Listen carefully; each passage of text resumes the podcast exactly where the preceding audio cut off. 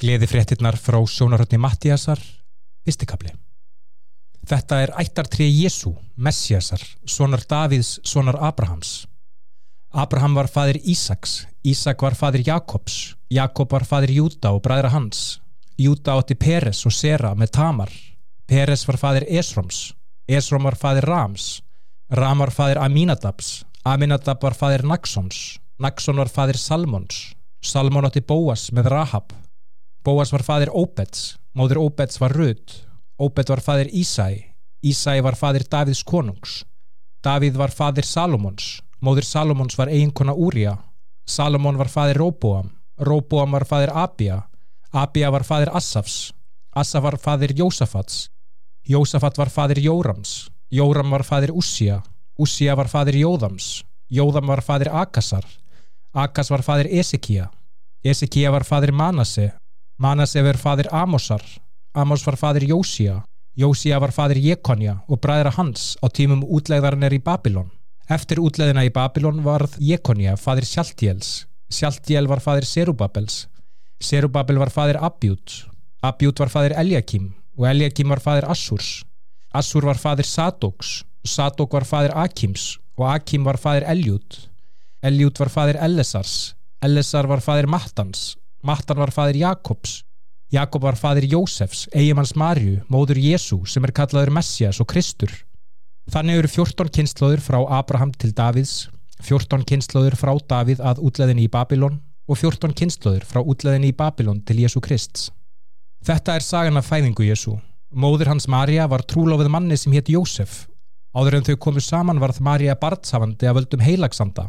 Jósef unnusti Marju var réttlátur maður og vildi ekki hún yrði fyrir ofenberi niðurlægingu og ákvað því að slíta trúlofuninni í kyrþei.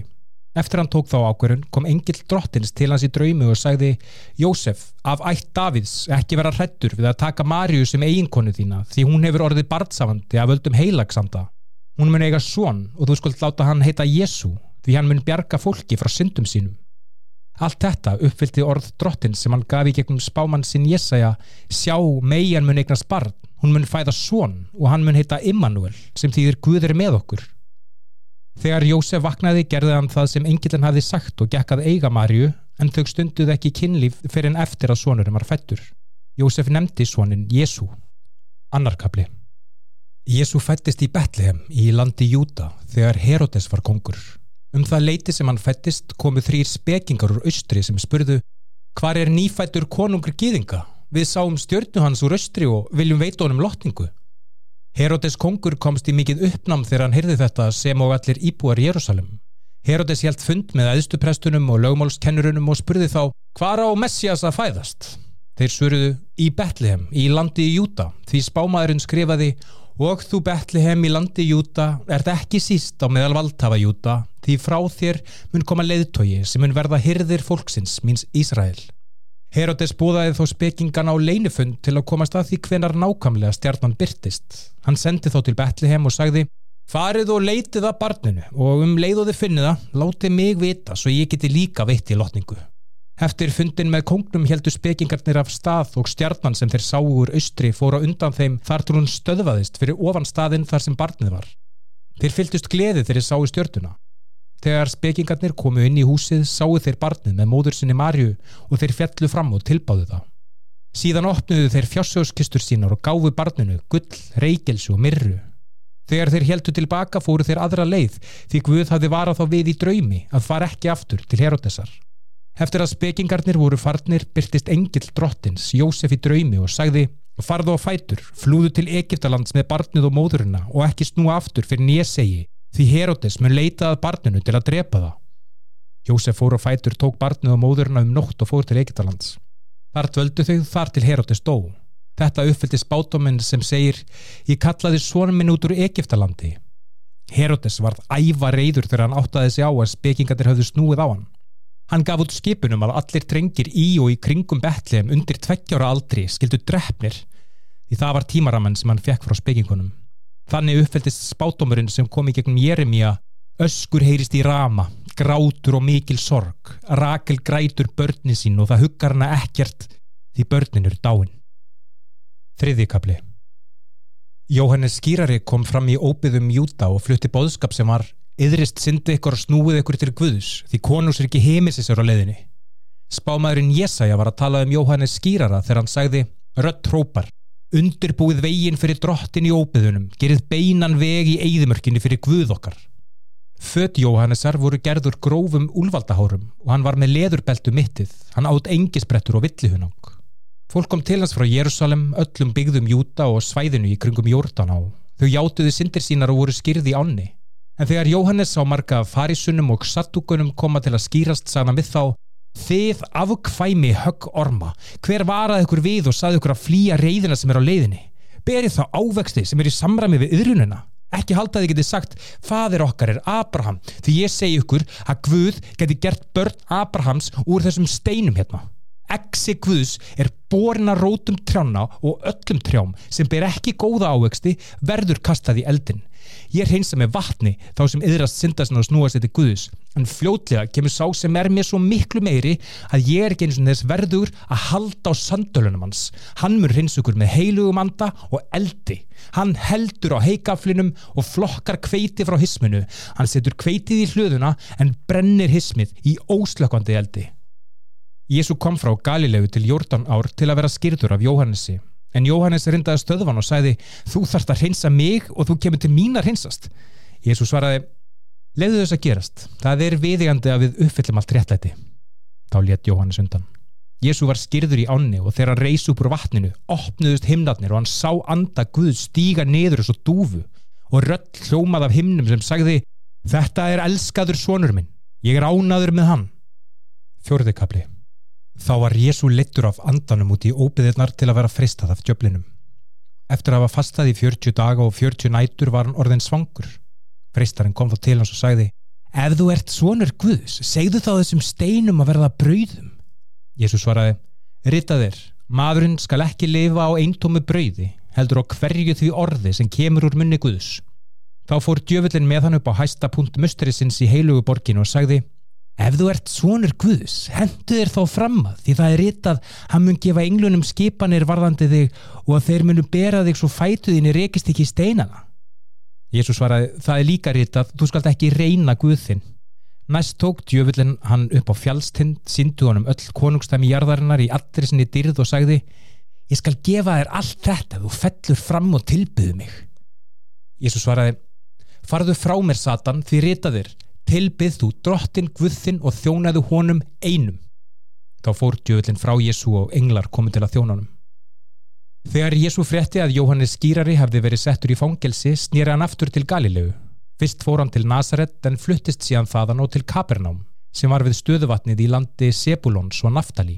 Með því rættist spátumir Jésaja land Sebulons og land Naftali við vatnið handan Jórdanár í Galilegu heiðingjana fólki sem gekk í myrkri sá mikið ljós. Ljós skein á fólki sem bjó í landi skugga döðans frá þeim tíma breyti Jésu út boðskapin sem var yðrist syndikar og gerir betrun. Því ríki Guðus er á leðinni þegar Jésu gekk með fram Galilögu vatni sá hann tvo bræður Símon kallaður Pétur eða Bjarg og bróður hans Andres þeir voru að kasta netum í vatni því þeir stunduðu fiskveðar Jésu sagði við þá komið og fylgið mér og ég mun láta ykkur stunda mannaveðar Þeir lögðu neti niður um leið og fylgdónum. Jésu helt áfram og koma tveimur öðrum bræðrum, Jakob Sepetasinni og bróður hans Jóhannesi. Þeir vorum borði í bátum að hugaði netunum á samt föður sínum Sepeta og þeir yfirgáfi bátun og föður sínum leið og fylgdu Jésu. Jésu fórum Galilegu og kendi í samgómhúsum geðinga, flytandi fólki gleði frettinnar um konungsríkið og læknaði alla sjúkdóm og megin sem hrjáðu fólk. Sögur af honum gengu um allt Sýrland og fólk komið til hans, öll þau sem voru veika af einhvers konar sjúkdómum Þau sem voru sárþjóða verkjum, haldin íllum öndum, lömuð eða fengu flogaköst og Jésu læknaði þau. Hvert sem hann fór fylgdi með stór hópur af fólki frá Galilegu, Tíborgunum, Jérúsalem, Júta og landinu, handan Jórdanár. Femtikabli. Þegar Jésu sá mannfjöldan fór hann upp fjallið, settist niður og lærisveinandir hans söpnuðist í kringum hann. Hann opnaði munnin og fór að kenna þeim. Blessu eru þau sem gera sér grein fyrir andleiri fátökt sinni því þeirra er konungsíki heiminsins. Blessu eru þau sem nú sirkja því þau munu verða hugguð. Blessu eru þau sem eru auðmjúk því þau munu fá jörðinjarf. Blessu eru þau sem nú hungrar og þistir eftir jætlætinu því þau munu verða sött. Blessu eru þau sem sína miskun því þeim mun verða síndmiskun. Blessu eru þau sem eru hjartarhinn því þau munu sjá Guð. Blessu eru þau sem stilla til friðar því þau munu verða kölluð börn Guðs. Blessu eru þau sem hafa verið offsótt vegna réttlætisins því þeirra er konungsviki heiminsins. Blessu eru þau sem eru kölluð íllum nöfnum og offsótt og sökuðum alls konar ílsku vegna mín. Fagnuð og gleðjist því laun ykkar eru mikil á himnum því á sama hátt voru spámenninir offsóttir. Þið eru saltjarðar en ef saltið missi bræðsitt með hverju á að salta það, það er til einskisnýtt nema að vera tróðið undir fótu manna. Þið eru ljós heimsins, borg sem stendur upp á hæð getur ekki falist og ljós er ekki sett undir körfu, heldur upp á ljósastikku og þá lýsir það öllu húsinu. Láti ljósi ykkar skína þannig á meðal fólksins að það sjáu góði verkin ykkar og upphefi Guð, föður ykkar sem er á himnum. Ekki halda að ég sé komin til að fella úr gildi laugin eða orð spámanana. Ég kom ekki til að fella þú úr gildi, heldur til að uppfylla laugin og spátumana. Ég segi ykkur satt að þar til heiminn og jörð, líðundir lók, mun ekki einn einasti punktur eða koma hverfa úr lögunum þar til allt er fullkomnað. Þau sem brjóta laugin og kenna öðrum að fremja lögbrót munu verða kölluð minnst í konusöki heiminsins. En þau sem brjóta ekki laugin og kenna öðrum að brjóta ekki laugin munu verða kölluð mikil í konusöki heiminsins. Því ég segi ykkur að ef réttlæti ykkar er ekki meira en réttlæti lögmálskennarna og farisana þá munu þið ekki ganga inn í konusöki heiminsins. Því að við heyrta sagt var við forföðuna þú skalt ekki drepa og hver sem fremur morð skal svara til saka. En ég segi ykkur að öll þau sem reyðast sískinum sínum eiga að svara til saka fyrir dómi. Og þau sem segja við sískin sín þú ónýtjungur eiga að svara til saka fyrir hæstadómstígi og þau sem segja þú heimskingi munu vera svo seg að þau eiga skilið loga helvitis Ef þið eru að fara með fórn og alltarið en munið eftir því að ykkert sískin ykkar hefur eitthvað á móti ykkur, skiljið þá fórnina eftir og farið fyrst og sættist við sískin ykkar og komið svo aftur til að færa fórnina. Ef einhver dregur ykkur fyrir rétt, skulið þið sættast hratt og öruglega við kæranda ykkar. Náið sáttum á leiðin í réttasalinn svo kæranda ykkar fari ekki með ykkur til dómarans og dómarinn sendi ykkur ekki í fangelsi. Ég segi ykkur satt að þið munið ekki komast þaðan Þið hafi heyrt bóðorðið, þú skalt ekki halda framhjá, en ég segi við ykkur að öll þau sem horfa á mannesku með gyrnd hafa þegar dríkt synd í hjarta sínu. Ef hægra auga ykkar lætur ykkur syndga, rífið það þá úr, kastið því í burtu því það er betra að glata einum líkamsluta en að öllum líkamannum sé kastaði eldin. Ef hægri hönd ykkar lætur ykkur syndga, skerið hana þá af, kastið henni frá ykkur því það er betra fyrir ykkur að glata einum útlim en að öllum líkamannum verði kastaði eldin. Þið hafið heyrt að ef maður vil skilja við konu sína skal hann gefinni undirritaða skilnaðar pappira en ég segi við ykkur að öll þau sem skilja nema vegna framhjóhalds láta maka sinn halda framhjó og ef þið giftist mannesku eftir skilnað þá eru þið að halda framhjó. Þið hafið líka heyrt að þið skulu ekki sverja rángan eið heldur skulu þið uppfylla eið ykkar við drottin. En ég segi ykkur að þið er ekki að sverja neina eiða gorki við heiminin því þar er hásæti Guðs ný heldur við jörðina því hún er fótskemillans nefið Jérúsalem því það er borg konungsins mikla. Þið skuluð heldur ekki sverja við höfuð ykkar því þið getið ekki gert eitt einasta hár kvitt eða svart. En þegar þið segi já skuluð þið meina já. Og þegar þið segi nei skuluð þið meina nei. Allt sem er umfram það er frá hinnum illa. Þið hafið heyrt auga fyrir auga, tönn fyrir tönn.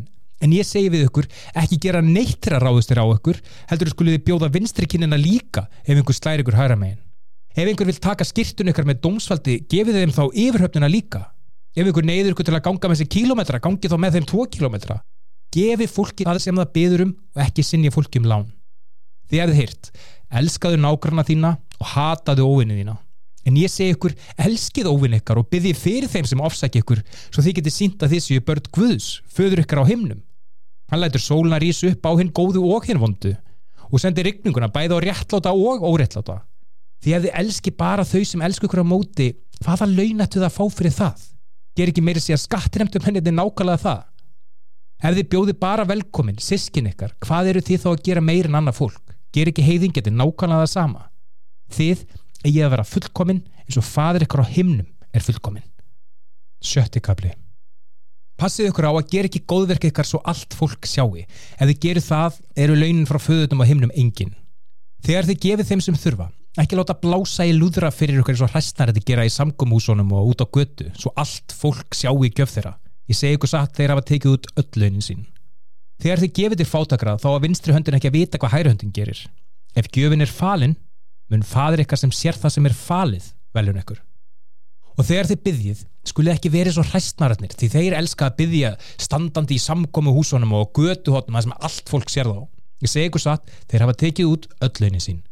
En þegar þið byggjið, skulið þið farin í herbyggi, loka eftir ykkur og byggja til föður ykkar sem þið sjáuð ekki. Þá mun fadir ykkar sem sér það sem er falið verðlun ykkur. Og þegar þið byggjið, skulið ekki nota hugsunarlausar endutekningar eins og heiðingarnir sem halda að þeir vera bænherðir vegna fjölda orðana, ekki verið svo þeir. Því fadir ykkar veit hvað þið þurfið áður en þið byggjið um það.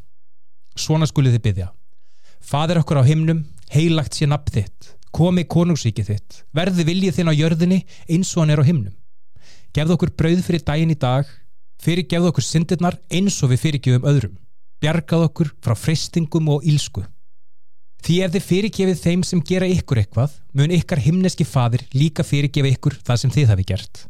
En ef þið fyrirgefið ekki öðrum, mun fadir ykkar heldur ekki fyrirgefa ykkar syndir. Þegar þið fastið, skulið þið ekki láta það sjást á ykkur eins og hræstnarði gera. Þegar þeir afskræma andlit sín svo allt fólk sjá að þeir fasti. Ég segi ykkur satt að þeir hafa tekið út öll launin sín. En þegar þið fastið, skulið þið greiða hárið og þvó andlitið svo enginn sjá að þið fastið nema fadir ykkar sem þið sjáuð ekki og þá mun fadir ykkar sem sér það sem er falið verðlun ykkur. Ekki sapna fjársjóði hér á jörðinni þar sem að flugur og myndir geta getið hann, rið getur eðilagt hann og þjóvar brotist inn á stóliðunum. Skulið sapna ykkur fjársjóða himnum þar sem að flugur og rið geta ekki eðilagt hann og enginn getur brotist inn á stóliðunum. Því þar sem fjársjóður ykkar er, það er í hjart ykkar líka. Augað er lampi líkamanns. Ef augun eru heilbreyð þá er allur líkamann fullur af ljósi. En ef augun eru óheilbreyð er allur líkamann í myrkri ef það sem þið haldið að sé ljós er í rauninni myrkur hversu dimt er þá það myrkur það er ekki hægt að þjóna tveimur herrum annarkort hatist þið við annan og elskið hinn eða þið þjónið öðrum og fyrirlitið hinn það er ekki hægt að þjóna bæði peningum og guði þess vegna segi ég við ykkur ekki hafa áhyggjur af lífinu hvað þið munu borða og drekka eða af líkamekkar hverju þið munu klæðast því er lífið ekki meira en matur og er líkamin ekki meira en född Lítið á fuggla heiminsins. Þeir sá ekki fræjum, skera ekki upp og sapna yngu í hlöður, en samt gefur himneski fadurinn þeim að geta. Eru þið ekki miklu vermaðar en fugglarnir? Getur ykkurt ykkar bætt einum klukkutíma við lífsitt með áhyggjum? Og af hverju hafið þið áhyggjur af fötum? Sjáu hvernig blómin á enginu vaksa. Þau vinn ekki og spinn ekki, en samt segju ykkur að jafnvel Salomon í allri sinni dýrð var ekki klættur jafn falli og eitt þeirra. En það er þannig sem Guðklæði blómin út af engi sem eru hér í dag og á morgunni kastaði eld, hversu miklu betur heldur hann klæði ykkur þið trú litlu? Hafið ekki áhyggjur og segið ekki hvað á ég að borða eða hvað á ég að drekka eða hvaða fötum á ég að klæðast. Því heiðingarnir sækjast eftir öllu þessu og himneski fadur ykkar veita þið þurfið á þessu halda. En fyrst og fremst skulið þið sækjast eftir konusíki Guðs og réttlæti hans og þá fáið þið allt hitt líka. Ekki hafa áhyggjur af morgundeginum hann mun hafa sínar áhyggjur. Hver dagur hefur nóg til að hafa áhyggjur af. Sjöndikabli ekki dæma, annars verður þið dæmt því þið verður dæmt á sama hátt og þið dæmið annað fólk. Þið munir vera dæmt eftir ykkar eigin mæli. Af hverju sjáu þið tre flísina í auga sískin ykkar en takið ekki eftir trjá Hvernig getið þið sagt við sískin ykkar, ég skal taka tre flísun úr auganuðinu þegar á sama tíma stendur trjá drumbur út úr ykkar eiginauga? Þið ræstnarar, fyrst fjarlægiði trjá drumbin úr ykkar eiginauga og þá munið þið sjá skýrt til að fjarlægið tre flísina úr augum sískin ykkar. Ekki gefa hundum það sem er heilagt og ekki kasta perlum ykkar fyrir svínin. Ef þið gerir það, munið þau tróða perlutar undir fótunum á sér, snúa sér við og rífa þig í sig líka. Þið munið fá það sem þið byggðið um leitið og þið munu finna banki og það mun verða að opna fyrir ykkur. Því öll sem byrði að fá það sem þau byrði um. Þau sem leita finna það sem þau leitað og það mun verða að opna fyrir þeim sem banka. Hvert ykkar myndi gefa batninu sinu stein þegar það byrður um brauð? Eða ef það byrður um fisk gefa því þá snák? Ef þið sem eru vond hafi vita á að gefa börnum ykkar góðargjafir hversu miklu betri gjafir mun þá fadurinn og himnum gefa þeim sem byrðjan Þið skulle alltaf gera það fyrir annað fólk sem þið viljið að það gerir fyrir ykkur. Þetta er kjarni alls þess sem er í lögbókunum og spátámsbókunum. Farið um þröngaliðið. Því hliðið sem leiðir til glötunar er vitt og vegurinn sem liggur þangað er breyður og það er margt fólk sem gengur þarinn. En látt og mjótt er hliðið sem leiðir ykkur til lífsins og fátt fólk mun finna það. Varið ykkur á falsbámunum Þeir koma til ykkar klættir eins og lömp en innan undir eru þeir gráðýr úlvar. Þið þekki þá af ávöxtunum. Týnir fólk vinnber af þyrnurunum eða fíkjur af þyslum. Á sama hátt ber gott tré góðan ávöxt en vond tré ber vondan ávöxt. Gott tré getur ekki borðið vondan ávöxt og vond tré getur ekki borðið góðan ávöxt. Öll tré sem bera ekki góðan ávöxt eru hokkið niður og kastað í eldin. Þið getur þekktu af ávöxtunum. Það mun ekki allir gangin í konusleiki heimilsinn sem segja við mig herra, herra, heldur einungist þau sem gera vilja föðu mín sem er á himnum. Á þeim degi mun margt fólk segja við mig herra, herra, spáðu við ekki þínu nafni og ráku við ekki út í þínu nafni og gerðu við ekki kraftaverk í þínu nafni. En ég mun svara þeim, ég þekkt ykkur aldrei farið frá mér lögleysingjar. Öll þau sem heyra það sem ég segi og setja það í framkvæmt eru svo vitrimaðurinn sem byggði húsit á bjargi. Það byrjaði að rigna og vassflaumurinn jógst og vindarnir blésu og börða á húsinu, en samt fjallaði ekki því það var byggt á bjargi. En öll þau sem heyra ormin og hlýða þeim ekki eru svo kjánin sem byggði húsit á sandi. Það byrjaði að rigna og vassflaumurinn jógst og vindarnir blésu og börða á húsinu og það fjall með miklum látum. Þegar Jésu hefði lokið við að flytja þessa ræðu var mannfjöldin þrjumu lostin yfir kenningum hans. Hann kendi ekki eins og lögmálskennararnir kendu, heldur eins og sá sem hefur vald. Áttundikabli Þegar Jésu gekk niður á fjallinu fylgd honum mikill mannfjöldi. Maður með holdsveiki fjall fyrir fætur og svo sagði Herra, ef þú vilt, getur þú gert mér hreinan? Jésu rétti út höndina, snerti mannin og sagði Ég vil, verður hrein? Og holdsveiki maðurinn hreinsaðist. Jésu sagði þá við þann Ekki segja neinum frá þessu en farðu og sínduði prestunum og berðu fram gjöfins og Mósis skipaði fyrirum, þeim til vittusbyrðar. Þegar Jésu kom til Kapernám kom fóringi rómverskrar hertildar og sár bændanum hjálp. Herra, þjóttminn liggur lamaður heimar hræðilega kvalinn. Jésu sagði, ég skal koma og lækna hann. Hertildarfóringin svaraði, herra, ég er ekki þess verður að þú komir undir mitt þak. Segðu bara orðin og þjóttminn minn læknast. Ég veit þetta því ég eru til stjórn annara en ræði líka yfir hundramönnum ég segi þessum að fara og hann fer og segi við þennan að koma og hann kemur ég segi þjónum mínum að gera eitthvað og hann gerir það þegar Jésu heyrði þetta undraðist hann og sagði við þau sem fylgd honum ég segi ykkur satt, ég hef ekki fundið þvílika trú neinstæðir í Ísæl ég segi ykkur að margt fólk mun koma úr austri og vestri og sitja til borðs með Abraham, Ísak og Jakobs í konusiki heiminsins á meðan erfingum þeirra verður kastað út í myrkrið þar sem verður grátur og gnistran tanna og Jésu sagði þá við hertildarfóringjan farð aftur heim, þú er uppskorið í samræmiðu trú þína og þjóttni læknaðist á þeirri stundu. Jésu fór heim til Péturs og sá að tengdamóður hans lág í rúminu með sótthitta. Jésu snerti höndennar og hitin fór úr henni. Hún stóð upp og útbjó matandunum. Þá um kvöldið kom margt fólk sem var haldið íllum öndum til Jésu. Hann rak út íllu andana með orðum og læknaði öll þau sem voru veik. Þetta uppfyldi spátuminn sem Jésaja rittaði. Hann tók á sig veikind okkar og bari burtu sjúkleik okkar. Þegar Jésu sá mannfjöldan í kringum sig sagði hann lærisveinum sínum að róa yfir vatnið. Þá kom lögmálskennari til hans og sagði Kennari, ég skal fylgja þér hvert sem þú ferð. Jésús svaraði Refur eiga greni, fugglar búið til reyður en mannsonurinn á hverki höfði sinu halla. Anna lærið sitt sagði Herra, leiðu mér fyrst að fara og jarða föðu minn. En Jésús sagði við hann Fyldu mér og láttu hinn dánu jarða þau dánu. Jésú fór þá um borði í bátinn og lærisvinnadir fyldu á eftir. Skindilega reyði yfir ofsafengin stormur og öldurnar brotnuði yfir bátinn en Jésús svaf.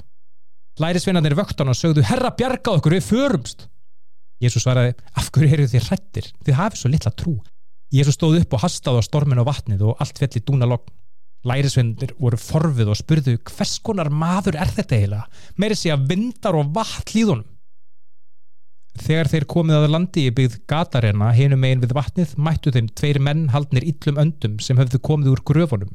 Þeir voru svo ofbeldisfullir að enginn gatt farið þar um Þeir öskruðu, hvað vilt okkur svonur Guðs? Ertu komin til að láta okkur þjást fyrir tíman? Spölkorn frá þeim var stór svínahjörð á beitt og yllu andarnir grátbáðu Jésu. Ef þú rekur okkur út, send okkur þá í svínin. Jésu sagði við þá, farið. Og þeir fóru út af manninum og fóru í svínin. Öll hjörðin hljóp þá niður brattan, ofan í vatnið og druknaði. Svínahyrðarnir hlupun í bæin og sögðu fólki frá öllu því sem hefði gest og frá ansötnumönunum. Þá kom allir bærin til Jésu og þegar þau sá hann baðan þau að fara í burtu frá sér. Níundi kapli Jésu fór um borð í bátinn og fór yfir til heimabæjar síns. Þar var borin til hans lamaður maður sem lág á teppi. Þegar Jésu sá trúð þeirra sagðan við lamaðamannin ekki óttast barnið mitt, syndir þínar eru fyrirgefnar. Við að heyra þetta sögðu nokkrir lögmálskennarar með sjálfum sér þetta er hvudlast. Jésu vissi hvað þeir voru að hugsa og sagði Af hverju leifið þið illar hugsanir í hjörtum ykkar? Því hvort eru auðveldar að segja, syndi þínar eru fyrirgefnar, eða stattu upp og gaktu. En ég vil að þið vitið að mannsónurinn hefur valda jörðu til að fyrirgefa syndir. Jésús sagði þá við lamaða mannin, stattu, taktu teppið og farið heim. Stóð maðurinn upp og fór heim.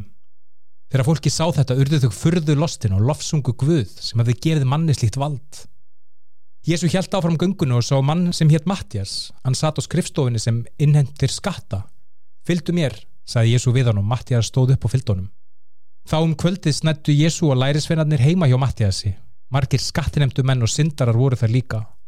En þegar farisarnir sáu þetta spurðu þeir lærisveinarna af hverju borðar kennarinn ykkar með slíkum óþjóða líð? Þegar Jésu heyrði þetta saðan það er ekki einn heilbriðu sem þurfa að lækni heldur þau sem eru veik. En farið og rannsaki hvað þetta þýðir. Ég vil miskunnsemi, ekki fórnir. Því ég er ekki komin til að kalla réttláta heldur syndara.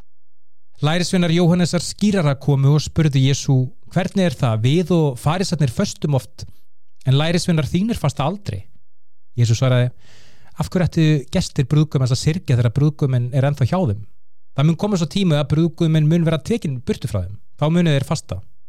Engin saumar nýja bóta á gömlu klæði því nýja bótin myndi hlaupa og ripna af gömlu klæðunum sem væri þá með starra katin áður.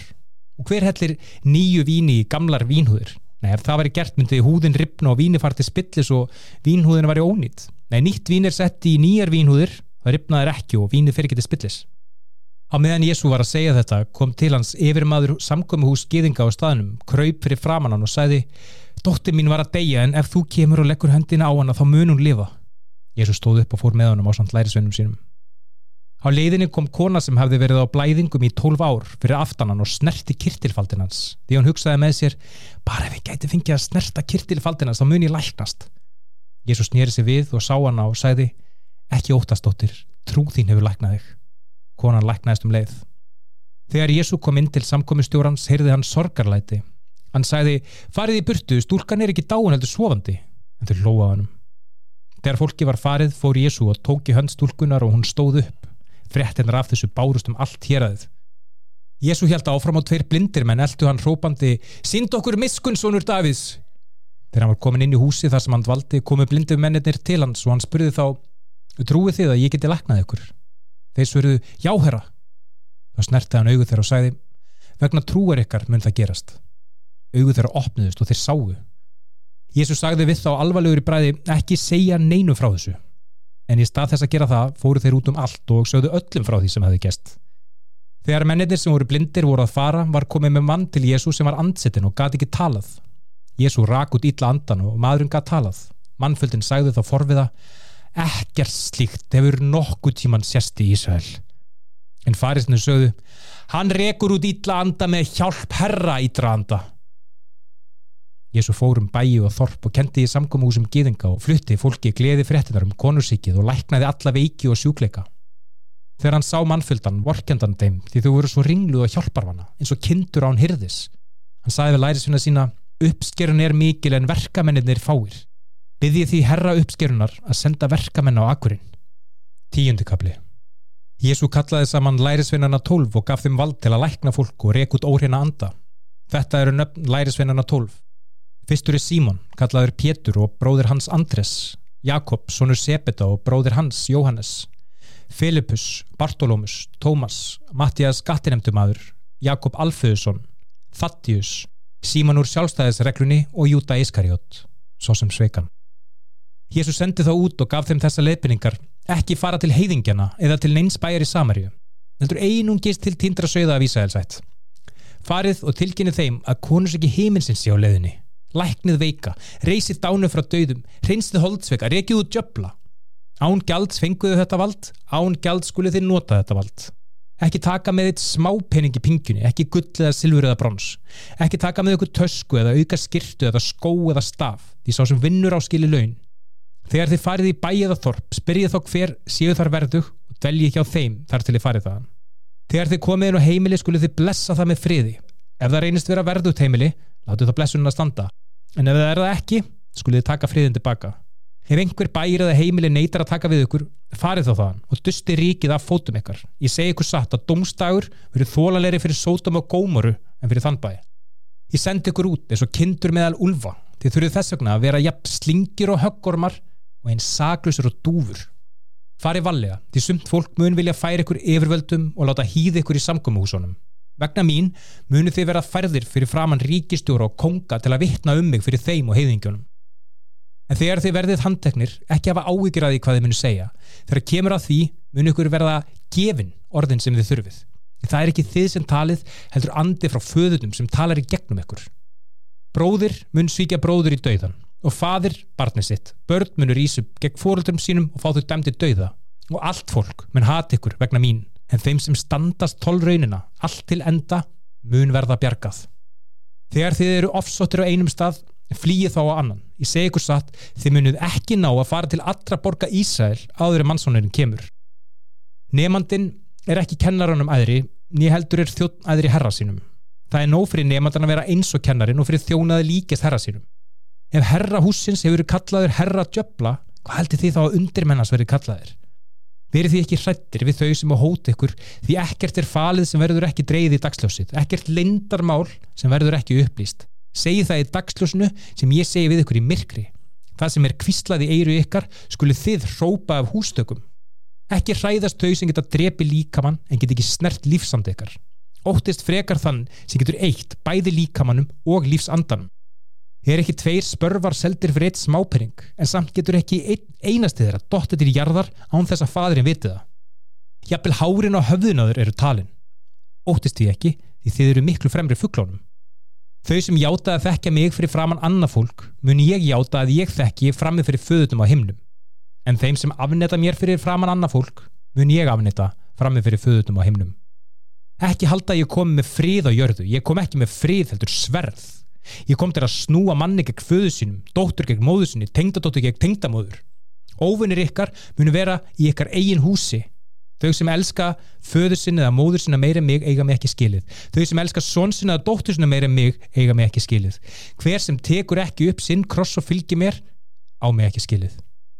Þau sem reyna að finna lífið í þessum heimi munu týna því en þau sem týna lífið sinu vegna mín í þessum heimi munu finna það. Þau sem bjóða ykkur velkomna, bjóða mig velkomin og þau sem bjóða mig velkomin, bjóða þann sem sendi mig velkomin. Þau sem bjóða spáman velkomin sem spáman munu fá laun spámans. Þau sem bjóða réttlátt fólk velkomið vegna réttlætist þeirra munu fá laun réttláttra mannesku. Og ef einhver gefur glas af köldu vatni til eins af mínum minnstur lærisvinum, ég segi ykkur satt að svo manneska mun ekki missa af laununum sínum. Ellefti kapli. Þegar Jésu hefði gefið lærisvinnunum tólf þessar leiðbynningar fór hann að flytja bóðskapin í nærlegjandi bæjum. Þegar Jóhannes skýrari sem var þá í fongelsi heyrðum það sem Kristur gerði sendi hann lærisvinna sína til að spyrja hann Ert þú sá sem spáðvarum eða eigum við vona á öðrum? Jésu svaraði Farið og segi Jóhannes í það sem þið heyrið og sjáuð. Blindir fá sjón, lamaðir ganga, holdsveikir hreinsast, hirtnalösir fá hirtina, dánir ís upp og fátækum eru fluttar gleðifréttir blessuður þau sem hrasa ekki vegna mín. Þegar lærisvinnar Jóhannesar voru að fara talaði Jésu við mannfjöldanum Jóhannes. Hvað fóruð þið út í óbyðina til að sjá? Strá sem vindurinn hrefir? Ef ekki það, hvað fóruð þið að sjá? Mannklættan í fín född? Nei, finnur stíka í höllum konga. Segið mig þá, hvað fóruð þið að sjá? Spáman? Já, meira en spáman. Jóhannes er maðurinn sem er talað um í spátumnum Ég mun senda sendibóða minn sem mun undirbúa veginn fyrir mig. Ég segi ykkur satt að enginn sem er fættur af konu er meiri en Jóhannes skýrari en samt er svo minnsti í konusíki heiminsins meiri en hann. Frá dögum Jóhannes að skýrara þar til nú hefur konusíki heiminsins verið beitt ofbeldi og ofbeldisfullt fólk sækir á það. Því allir spámennir og laga bækunar sem voru fyrir tíma Jóhannesar spáðu um þessa tíma og ef þið getið tekið á móti því þá er hann Elja, sá sem spáðvara myndi koma. Hver sem hefur eiru heyri. Við hvað getið líkt þessari kynsluð? Hún er eins og börn sem sitja á torkinu kallandi Við leikum danslög fyrir ykkur og þið dönsuðu ekki. Við leikum sorgalög og þið gretuðu ekki. Jóhannes kom og átt kvorkinni drakk og fólk sagði Hann er ansettinn Mannsórurinn kemur svo að borða bæð og drekkur og þau segja Hann er átvakl og drikkjumadur Vinur skattinemtu mann og syndara. Viskan sannast að verkum sínum. Þá ávitaði Jésu borgirnar þar sem hann hafði framkamt flest kraftaverk því þær yðruðust ekki. Veis ég þér kóra sín Veis ég þér betsæta Því ef kraftaverki sem ég gerði hjá ykkur hefðu verið framkvæmt í Týrus og Sítón hefðu þær fyrir lungu klætt í sorgarfull og yðrast í sand og ösku. En ég segi ykkur, það mun verða bærilegra fyrir Týrus og Sítón og domstegin hjá ykkur. Og þú Kapernam, mun þér vera lift til himna? Nei, þú mun fara í gröfina. Því ef kraftaverki sem ég gerði hjá þér hefðu verið framkvæmt í sódómu, stæðun en það í dag. En ég segi ykkur, það mun verða bærilegra fyrir sódóm og domstegin hjá ykkur. Þá sagði Jésu, ég lofa þig fadir, drottin heimins og jarðar, því þú hefur falið þetta fyrir útlærðum spekingum en sínt þetta litlu börnunum. Já, fadir, það var það sem þú vildi gera. Fadir minn hefur treyst mig fyrir öllu. Engin þekkir sonin nema fadirinn og engin þekkir föðurinn nema sonurinn og þau sem sonurinn útvelur til að ofinbera hann. Komið til mín þið sem eru þreytt og ég mun gefa ykkur kvild. Takið byrði mína og herðar ykkar og lærið af mér því ég er lítilátur og auðmjögur í hjartanu og þið munu fá kvild fyrir sáleikar. Því ókmett er ljúft og byrði mín létt. Tóltikabli Um þetta leiti fór Jésu á samt lærisvinnum sínum um kornagra og kvildardegi. Lærisvinnar hans voru svangir og tindu korn og átu. Þegar farisætnir sáu þetta sögðu þeir við hann Sjáðu, lærisvinnar þínir er að gera það sem er ólulegt að gera á kvildardegi. Jésu svaraði Hafið ekki lesið um það sem Davíð gerði þegar hann og menn hans voru svangir. Hann fór inn í hús Guðus og hann og menn hans átu skoðanabröðin sem var ólulegt fyrir allar um að prestana að borða. Eða hafið ekki lesið í lagabókunum að presta þeir vinna á kvildadegin eru samt án sakar? Ég segi við ykkur, hér er meira en musterið. Ef þið vissu hvað þetta þýðir miskun sem við viljið ekki fórnir þá hefðu þið ekki ákert saklust fólk því mannsónurinn er herra kvildadagsins Jésu fór þaðan og hjælt í samkómuhúsið og sá þar mann með vissna hönd. Farisarnir vildu finna sök hjá Jésu og spurðan er það löglegt að lækna á kvildadegi? Jésu svaraði Ef einhver á kind sem fellur í skurð á kvildadegi, munið þið þá ekki draga hann upp úr skurðinum? Hversu mun merkilegur er manneska en söðkind? Því er það löglegt að gera góðverk á kvildadegi. Þá sagði Jésu við mannin með vissnu höndina, er rétt út höndina. Hann rétt út höndina og hún varð jafn hilbrið og hinn höndinas. En farisannir geng út og lögðu á ráðin hvernig þeir getur drepið Jésu. Jésu vissi hvað þeir ætluðu sér og fór þaðan. Mikill mannfylgdi fylgdónum og hann læknaði öll þau sem þurftu. Hann varaði fólk við að segja öðrum frá sér. Þetta uppfyldi spátuminn sem kom frá Jesaja. Hér er útvalinn þjóttminn, sá sem ég elska, sá sem ég er ánaður með. Ég mun setja anda minn yfir hann, hann mun bóða þjóðunum réttleiti, hann mun ekki rífast eða öskra á götumúti, hann mun ekki eiðilegja veikburða reyr og hann mun ekki slökkva á flögtandi kerti þar til hann hefur innleitt réttleitið með því að vinna sigur. Þjóðunar munu vona á nafnans. Þá var komið við ansettinn mann sem var bæði blindur og mállus til Jésu og hann læknaði mannin sem gatt á bæði, talað og séð. Þau sem sáðu þetta voru fyrðu lostin og sögðu, getur verið þetta sé svonur Davids? En þegar farisennir heyrðu þetta sögðu þeir, það er ekkit skrítið að hann geti reki út ítla anda en það fær hann valdsétt frá Satan, herra ítra anda. Jésu vissi hvað þeir hugsuðu og sagði við þá, öll konungsíki sem standa í innbyrðis deilum falla og allar borgir eða heimili sem standa í innbyrjast deilum munu gliðinaði sundur. Ef Satan reykur Satan út á henni deilu við sjálfan sig, hvernig geti konungstæmi hans á staðið? Og ef ég reyk út ítla anda með hjálp djöfelsins, með hjálp hvers reyka þá ykkar menn ítla anda út? Ykkar eigin menn sanna að þið hafi rámt fyrir ykkur. En ef það er andi Guðs sem hjálpa mér að reyka út ítla anda, þá er konungs ekki Guðs nú þegar komið til ykkar. Því hver er svo sterkur að geta farið á heimili kraftajötuns og stólið eigumans nema að binda fyrst jötunin? þá fyrst er hægt að stela eigum hans þau sem er ekki með mér eru á móti mér og þau sem vinna ekki með mér vinna á móti mér ég segi því við ykkur alls konar syndir og guðlast er hægt að fyrirgefa en guðlast gegn heilugum anda er ekki hægt að fyrirgefa hver sá sem talar gegn mannsinnunum mun verða það fyrirgefið en þau sem tala gegn heilugum anda mun ekki verða fyrirgefið hvorki í þessum heimi eða heiminum sem er á leðinni því þekki tré af ávöxtum þess ef tré er gott ber það góðan ávöxt en ef tré er vond, ber það vondan ávöxt. Þið afkvæmi högg orma. Hvernig getið þið sem eruð vond sagt nokkuð gott? Því það sem er í hjartanu fer út um munnin. Góður maður ber fram góða hluti úr fjarsjóði síns góða hjarta og vondur maður ber fram vonda hluti úr sínu vonda hjarta. En ég segi ykkur að öll munu þurfa svara fyrir sín tómu orð á domstegi. Því af orðum ykkar munu þið verða síknuð og af orðum ykkar munu þið verða sakveld. Þá komin okkur ír farisar og lögmálskennarar og sögðu við hann Kennari, leiðu okkur að sjá ták Jésús svaraði Aðeins vond og ótrú kynsluði heimtar ták En eina tákni sem þið fáið er spámaðurinn Jónas Því eins og Jónas var í maga stórfisksins í þrjá dag og þrjár nætur mun mannsónurinn verða þrjá dag og þrjár nætur í hjarta jarðarinnar. Fólki frá Nínefu mun rýsa upp í domnum ásamt þessari kynnslóð og ákjærana því þau yðruðust við bóðskap Jónasar. Nú er hér eitthvað meira en Jónas. Drottning Suðurlandsins mun rýsa upp í domnum ásamt þessari kynnslóð og ákjærana því hún komur fjarlægu landi til að heyra spiki Salamons og hér er eitthvað sem er meira en Salamon. Þegar yllur andi er ekki nút að rávar hann um óbyður og leitar kvildar sem hann finnur ekki, þá segir yllið andin ég ætla að fara aftur í húsið þessum ég daldi. Þegar hann kemur þanga finnur hann það tómt og þrifið. Þá fer hann og tekur sjö anda sem eru ennverri en hann sjálfur og þeir fara að búa þar og ástandið af manneskinni sem þarf að þóla þetta verður ennverri en áður. Eins er farið með þessa vondu kynslu. Á meðan Jésu var að tala við fólkið voru móðir hans og bræður fyrir utan og byðu eftir að fá að tala við hann. Einhver saði við hann, móður þín og bræður þín er stand út og vilja tala við þig. Jésús svaraði, hver er móður mín og hver eru bræður mínir? Hann benti á lærisvenna sín og sagði, hér er móður mín og bræður mínir. Því þau sem gera vilja föðu míns eru bræður mínir, sýstu mínar og móður mín. 13. kapli Þennan sama dag fór Jésu út og settist við vatnið. Svo mikill mannfylgdi sapnaðist saman í kringum hann að hann þurfti að fara út á bát og satt þar meðan fólki stóða ströndinni. Þá sagði hann þeim margt í dæmisugum, til dæmis þetta.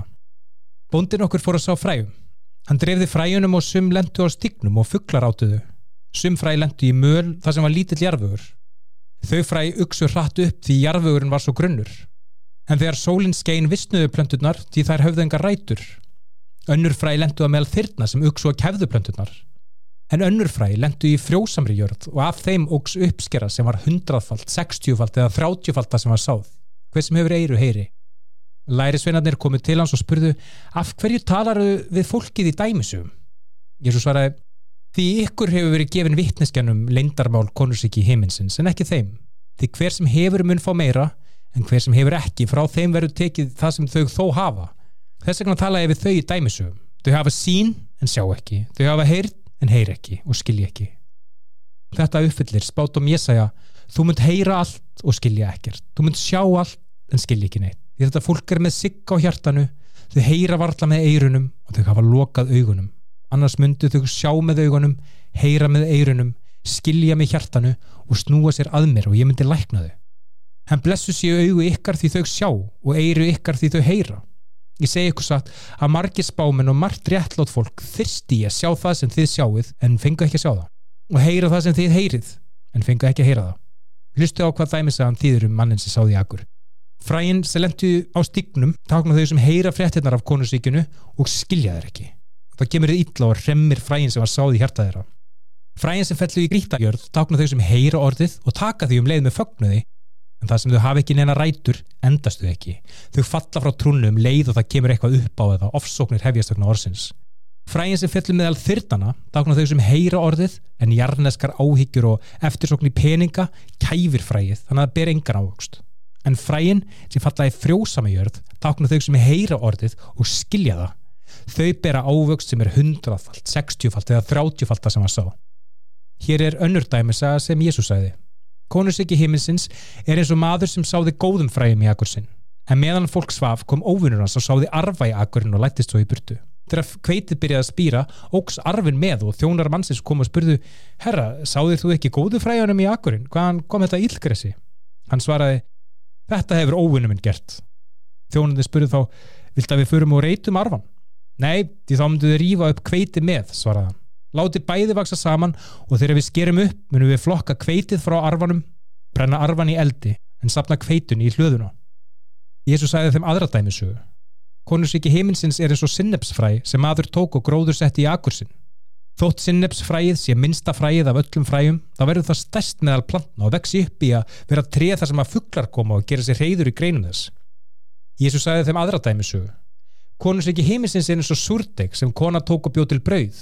Jafnvel þótt hún hafi bara sett smá súrdeg í 30 kílóa kveiti, þá vann súrdegi sér gegnum allt kveitið. Jésús sagði alla þessa hluti í dæmisugum og ekkert sagðan við fólkið án þess að nota dæmisugur. Þannig var það uppfyllt sem er ritað í sálmánum. Ég mun tala í dæmisugum og segja frá hlutum sem hafa verið faldir síðan alheimurinn var skapaður. Þá fór Jésú frá mannfylgdunum og hjælt inn. Lærisvinnar hans spurðu hann um merkingu dæmisugunar um arfan og agrinum. Jésús svaraði, Mannsónurinn er gardirkjubóndin sem gróður setur góðufrægin. Agurinn er heimurinn og góðufræin eru fólk konungsríkisins. Arfin er fólkins ítla og óvinnurinn sem gróðusettur arfan er djöfullin. Uppskerun er endilokk þessa heims og verkamenn uppskerunar eru englar. Arfin er reittur og kastað í eld, eins verður það við lok þessa heims. Mannsónurinn mun senda út engla sína og þeir munu reita arfan úr konusríkinu, allt sem veldur synd og gerir ílt. Þeir munu kasta því eldopnin þar sem verður grátur og gnistran tanna. Þá mun henn réttlátu skína eins og sól í konusríki föðust þeirra. Hver sem hefur eiru heyri. Konusríki heimilsins er eins og fjársjóður sem er falin á engi. Þegar maðuritt fann hann, faldi hann fjársjóðan aftur, fór og seldi allt sem hann áttu og kifti akkurinn. Eins er konusríki heimilsins eins og kaupmaður sem leitar að perlum. Þegar hann finnur verðmætustu perluna, fer henni burtu, selur allt sem hann á og kaupir hana. Enn er konusríki heimilsins eins og net sem hann lagt í vatn og veiti alls konar fiska. Þegar neti var orðið fullt drói veiðimennir það að landi, settust niður og flokkuðu góðu fiskana frá og hendu vondufiskunum. Þannig verður þetta við lók þessa heims. Englar munu koma og flokka vond fólk frá réttlátu og kasta einu vondu í eldopnin. Þar veru grátur og gnýstran tanna. Hafið þið skilið þetta allt? spurði Jésu. Já, söruðu lærisvennir. Jésu sagði þá við þá. Þannig er kennari í lögmálinu sem er orðið nefandi konusíki heiminsins eins og húsbóndi sem býður fram úr fjársjóðskistu sinni bæði nývarmætt og gömul. Þegar Jésu hefði lokið við að segja þessar dæmisugur fóran þaðan. Jésu kom í heimabæsinn og kendi fólkunni í samkomiðhúsinu sem spurði furðu lostið hvaðan kom þekking þessa manns og hvaðan kom þessi kraftaverk? Er þetta ekki smiðsónurinn? Er móður hans ekki Marja og er ekki bræður hans Jakob, Jósef, Símon og Júta? Búa sýstur hans ekki hérna? Hvaðan kom þekking þessa manns? Fólkið rittist honum og trúði ekki á hann. En Jésu sagði við þau, spámanni er allstaðar vel tekið, nema í sinni heimabögð. Og hann ger ekki mörg kraftaverk þar því fólkinu skorti trú. Fjórtóndi kapli Þegar Herodes sem stjórnaði Galileu heyrði um Jésu, sagði hann við þjóna sína Þetta lítur að vera Jóhannes skýrar í risinu frá döðum. Það útskýrir þessi kraftaverkans. Herodes hefði látið handaka og fangelsa Jóhannes vegna Herodísar, eiginkonu Filipusar, bróður Herodesar. Því Jóhannes hefði sagt við hann Það er ólöglegt fyrir þig að taka hana sem konu. Herodes vildi drepa Jóhannes en hann var hrættur við fólkið því það taldi Jóhannes vera spáman. Á afmælistegi Herodesar dansaði dóttir Herodísar fyrir gestina og það glatti Herodes svo að hann sórinni eigð að gera hvað sem hún bæðan um. Að áveggjan móður sinna sagði hún Ég vil fá höfuð Jóhannes að skýrar á fati. Kongurinn sá eftir því sem hann hefði sagt en vegna þess hann sór eigð og vegna gestana fyrirskipaði hann að úskanna skildi uppfyllt. Jóhannes var hálsökunni í fangilsinu og höfuð hans var borið inn á fati og gefið stúlkunni sem barða til móðusunar. Lærisveinar Jóhannesar komu, tóku líkið og grófuða. Síðan fóru þeir og fluttu Jésu fréttinnar. Þegar Jésu heyrði hvað hefði gest fór hann út á bát og fór á afvikinn stað þar sem hann gætt verið einn. Þegar fólki heyrði að því eldi það hann fótgangat úr nærlegjandi byggðum. Þegar Jésu kom að landi og sá mannfjöldan vorkendanum þeim og læknaði þau sem þurftu. Þegar það var komið kvöld komið lærisveinandi til Jésu og sögðu við erum langt frá mannabyðum og það er orðið áliðið. Sendu mannfjöldan í burtu svo þau getur farið til byggðu og kipt sér mat. Jésu svaraði, þau þurfi ekki að fara neitt, gefið þeim sjálfur mat. Þeir svöruðu, við höfum bara fimm brauð og tvo fiska. Komum með það til mín, svaraði Jésu. Hann sagði fólkin að setjast niður í grasið og tók brauðin fimm og fiskana tvo, leit upp til himna, þakkaði guði og brauð brauðið. Síðan rétti hann lærisvennunum matinn og þeir dreifðunum til mannfjöldans. Þau átti svo öll sött og lærisvennir tóku saman, tólf körfur af afgöngum. Fjöldu þeirra sem átt var um 5.000 kallmenn, aukvenna og badna.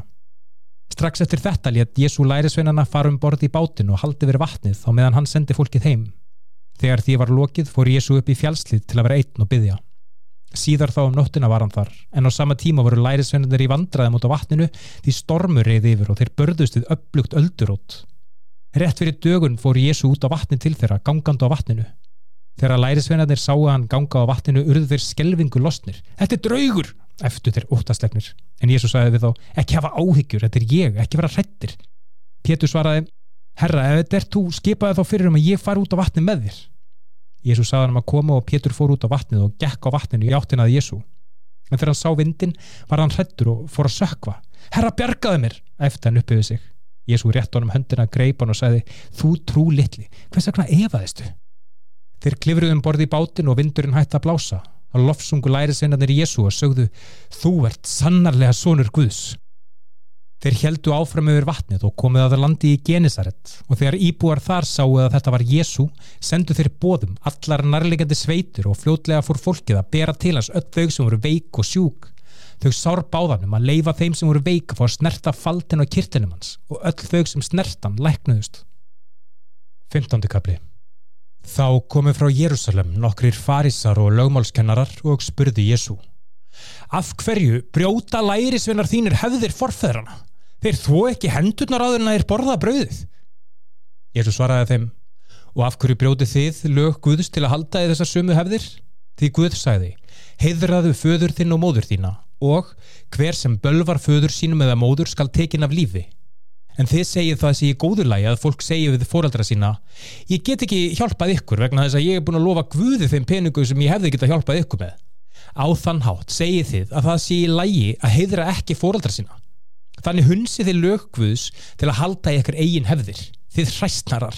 Jésæ hafi rétt fyrir sér þegar hann sagði um ykkur Þessi líður hyðra mig með munninum en í hjörtu þeirra eru langt frá mér. Tilbeðsla þeirra er gagslaus, kennandi manngerðar reglur eins og þær hafi komið frá Guði. Jésús sagði fólkinu að koma til sín og sagði Hlustuð og skiljið. Það sem fer inn um munnin gerir fólk ekki óhreint en það sem kemur út um munnin það er það sem óhrengar fólk.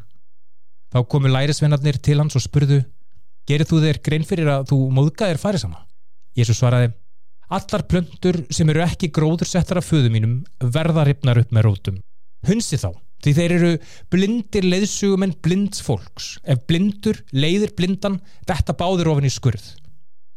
Pétur sagði þá, útskýru þessa dæmisugu fyrir okkur. Skiljið þið ekki ennþá, spurði Jésu þá. Skilur ekki að það sem fer inn í munnin fer svo í magan og svo út úr líkamannum en það sem kemur út um munnin kemur úr hjartanu og það óhrengar fólk því úr hjartanu koma illar hugsanir, legar, illtal þjófnaður, lauslæti, hórdómur og morð þetta er það sem óhrengar fólk. En að matast með óþegnum höndum það óhrengar ekki nokkra mannsku þegar Jésu fór frá Galilegu fór hann norður til Týrus og Sítón kanversk kona sem var þaðan kom hrópandi til hans Herra, sonur Davíð, síndu mér miskun dótti mín er haldin íllum anda sem kvelur hana ægilega. Jésu svaraði ekki einu orði. Því komi lærisveinandi til hans og lögðu hart á hann sendu hann í burtu því hún eldur okkur hrópandi. Jésu svaraði Ég er bara sendur til tindra sögða af ætt Ísraels Konan kom og fjall framfyrir honum og sagði Herra, hjálpaðu mér Jésu svaraði Það er ekki gott að taka brauð barnan og kasta þið fyrir hundana Konan svaraði Satt er það, en jafnvel hundarnir borða milstuna sem dettur að borði húsbóndans. Þá sagði Jésu við hana, Kona, þú hefur mikla trú. Það sem þú vilt hefur gest. Dóttirinn að læknaðist á þeirri stundu. Jésu fór þaðan og snýri aftur til Galilögu. Hann fór upp í fjallslíð og settist niður. Mikill mannföldi kom til hans með lamað fólk, blinda, örkumla, mallausa og marga aðra og lögðu við fætur hans og Jésu læknaði þau. Fólkið var fyrðu lostið þegar þau sáu málulegs að tala, örkumla heilbreyða, lamaða ganga og blinda sjáandi og þau lofuðu Guð Ísraels. Jésu kallaði saman lærisveinin og sagði ég vorkinu þessu fólki, þau hafa verið hjá mér í þrjá dag og hafa ekkert að geta ég vil ekki senda þau sungi burtu því þá getur þau nýja niður á leiðinni. Lærisveinarna svöruðu hvar á svo afskeptum stað getur þau fengið mat fyrir allt þetta fólk? Hversu mörg brauð hafið þið? spurði Jésu. Sjö og nokkra smáfiska, svöruðu þeir Jésús sagði mannfjöldanum að setjast á jörðina og tók brauðin sjö og fiskana og þegar hann hafði þakka Guði, brauðan brauðið og rétti lærisveinunum og þeir réttu fólkinu matinn. Þau borðuðu öll og eruðu sött. Þegar allir hafðu lókið sér af, söpnuðu lærisveinandi saman, sjö körfum, fullum af afgöngum. Fjögur þúsund kallmenn áttu þennan dag, aukvenna og barna. Þegar Jésu hafði sendt fólkið í burtu, fór hann um borði bát og hjælt til Makatan. 16. kapli Nú komu farisar og sattúkar til Jésu og reyndu hann með því að byggja hann um tákn af himnum. Jésu svaraði, á kvöldin segiði, það verður nú gott viður því heiminin er rauður og á mótnana segiði, í dag verður stormur því heiminin er rauður og það er skíjað. Þið getur lesið í heiminin en þið kunnið ekki að lesa í tákn tímana.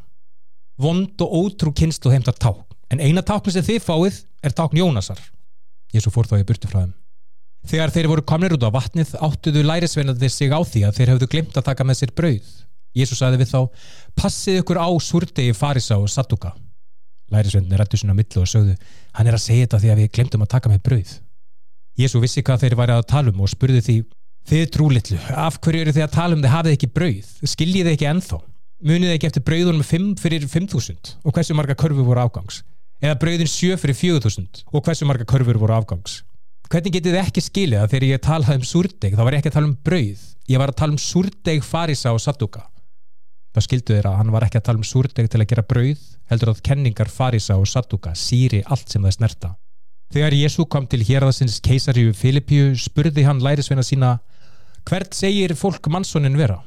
Þeir svöruðu sumt fólk segir Jóhannes skýrara aðrir segja Elja og enn aðrir segja Jeremi eða einn hinna spámanana en hvað með ykkur? spurði Jésu á móti. Hvert segir þið með vera?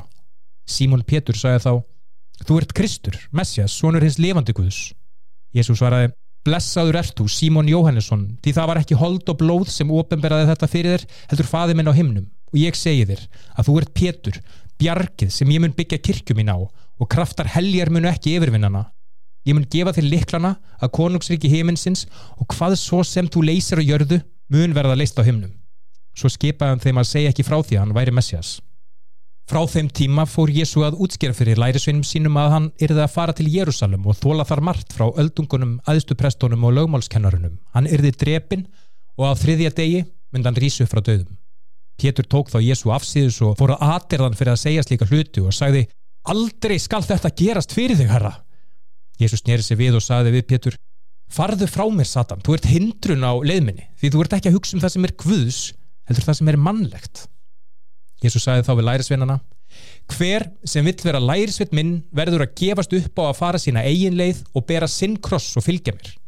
Því hver sem vill bjarga lífi sínu mun týna því en hver sem týnir lífi sínu mín vegna mun bjarga því. Því hvað græði þið á því að eignast allan heiminn en tapa sáleikar eða fyrir hvað er hægt að kaupa sáluna sína?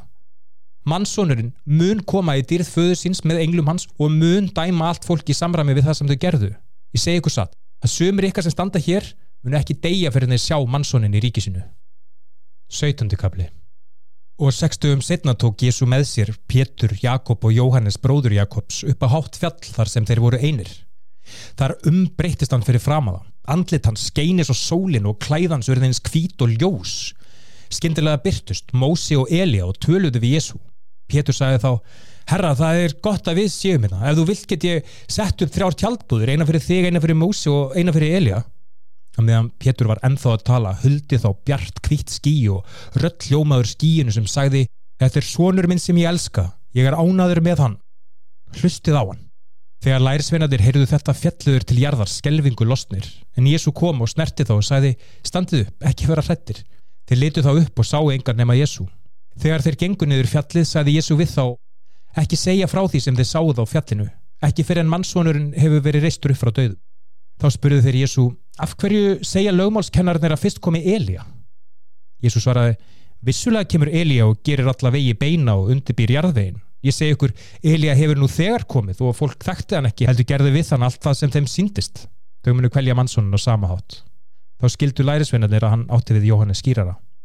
Þegar þeir nálguðist mannfjöldan aftur kom maður að Jésu og kraupið fætur hans og sagði Herra, síndu síni mínu miskun, hann fær flogaköst og er mjög þjáður og hann er oft kastað í eldið í vatn. Ég fóra með hann til lærisveina þinna en þeir gátt ekki læknaðan. Þið trú lit og spilta fólk, sagði Jésu þá. Hversu lengi þarf ég að vera hjá okkur? Hversu lengi þarf ég að þól ykkur? Kom með drengin hinga. Jésu hastaði ítla andan sem fór út af drengnum sem var þá læknaður. Eftir þetta komu lærisveinandi til Jésu og spurðar einslega af hverju gáttu við ekki rekið ítla andan út? Jésu svaraði því ykkur skorti trú, ég segi ykkur satt. Ef þið hefðu trú á við sinnepsfræ þá gætu þið sagt við þetta fjalla fara hinga eða þanga og það myndi hlýða. Ekkert væri ykkur ómögulegt. Þegar þeir hittust í Galilögu sagði Jésu við lærisveinana Mannsónurinn mun verða svikin í hendur manna. Þeir munu drepan og á þriðja degi mun að rýsa upp til lífsins. Lærisveinanir fylltust af sorg Eftir að Jésu og lærisveinarnir komið til Kapernám kom innhemdu maður musterisskattsins til Péturs og spurði Borgar kennarinn þinn ekki musterisskattin? Jú, hann gerir það, svaraðan. Pétur fór á dvalastað þeirra og Jésu tók fyrst til máls. Hvað heldur þú Pétur? Frá hverjum innhemda kongar jarðarna skatt? Frá börnum sínum eða ókunnum? Frá ókunnum, svaraði Pétur. Þá eru börnin undan þegin skattunum, sagði Jésu við hann.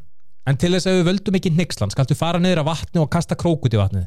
Takktu fiski sem þú veiðir og opnaði munnans. Þar myndu finna silfurpenning, takktu hann og borgaði skattin fyrir okkur báða. Átjöndu kapli Um þetta leiti komu lærisveinarnir til Jésu og spurðan hver er mestur í konungsíki himmisins? Hann kallaði lítið barn, setti það á meðal þeirra og sagði Ég segi ykkur satt að ef þið snúð ekki af leið og verðið eins og lítil börn munið þið aldrei komast inn í konungsíki himminsins.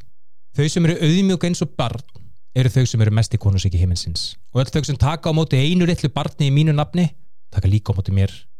En hverju þeirri mannesku sem veldur því að eitt slikt barn sem trúur á mig villist af leið verður betur borgið á hafsbótni með stóran millusteinum hálsin. Veis í heiminum vegna þess sem lætur fólk krasa. Það er óhjákamilegt að fólk krasi en veis ég þeim sem valda því að fólk krasi. Ef höndin eða fótur tælir því í synd, skaltu skera hana af og hendi í burtu. Það er betra að vera einhendur eða einfættur og fá eilíft líf en að vera með alla útlimina en vera kastað í óslökandi eld. Og ef auga þið tælir því í synd, krektu það úr og kasta því í burtu. Það er betra fyrir ykkur að vera einegð og fá eilíft líf en að vera með bæði augun þegar ykkur er kastað í helviti. Passið ykkur á að líta ekki niður og neina þessum litlu börnum, því ég segi ykkur að englar þeirra á himnum eru alltaf fyrir auglítið himneska föðumins. Hvað haldið þið að maður sem á 100 kindur gerir þeirra einn þeirra týnist? Skilur hann ekki eftir hinar 99 og fyrir að leita þessari einu sem týndist? Og ef hann finnur hana, ég segi ykkur satt, að hann er ánaðri með þessa einu sem týndist og fannst, heldur hinn hinar 99 sem týndist ekki. Á sama hátt vil himneski faði minn ekki að eitt einasta barn glatist. Ef sískin eitthvað syndga, farið þó að bendi þeim á það, bara ykkur á milli. Ef þau hlusta á ykkur, hafið þið unnið þau tilbaka. En ef þau hlusta ekki á ykkur, Takið þó eitt eða tvö vittni með ykkur svo að lögin séu uppfyllt að allt skal vera staðfest að tveimur eða þremur vittnum.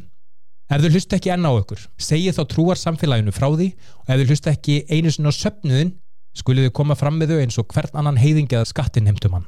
Ég segi ykkur satt að hvað svo sem þið bindið á jörðu mun líka vera bundið á himni og hvað svo sem þið leysið á jörðu mun líka vera list á himni. Aftur, ég segi ykkur satt að ef tvö ykkar á jörðinni eru sammal um það sem þið byggjið þá mun fadirinn á himnum gera það fyrir ykkur. Því hvar sem tvö eða þrjú hittast í mínu nafni þar verði ég með þeim. Þá kom Pétur til Jésu og spurði herra, hversu ofta á ég að fyrirgefa bróðum minnum alltaf sjösunum Jésu svaraði, ég segi er ekki sjösunum heldur sjötju sinnum sjö þannig er konungsríki heimilsins eins og kongur sem ætlaði að gera upp skuldarekning þegna sinna Þegar hann hóf yfirferðina var maður ferðu til hann sem skuldaði um 10.000 póka af gulli.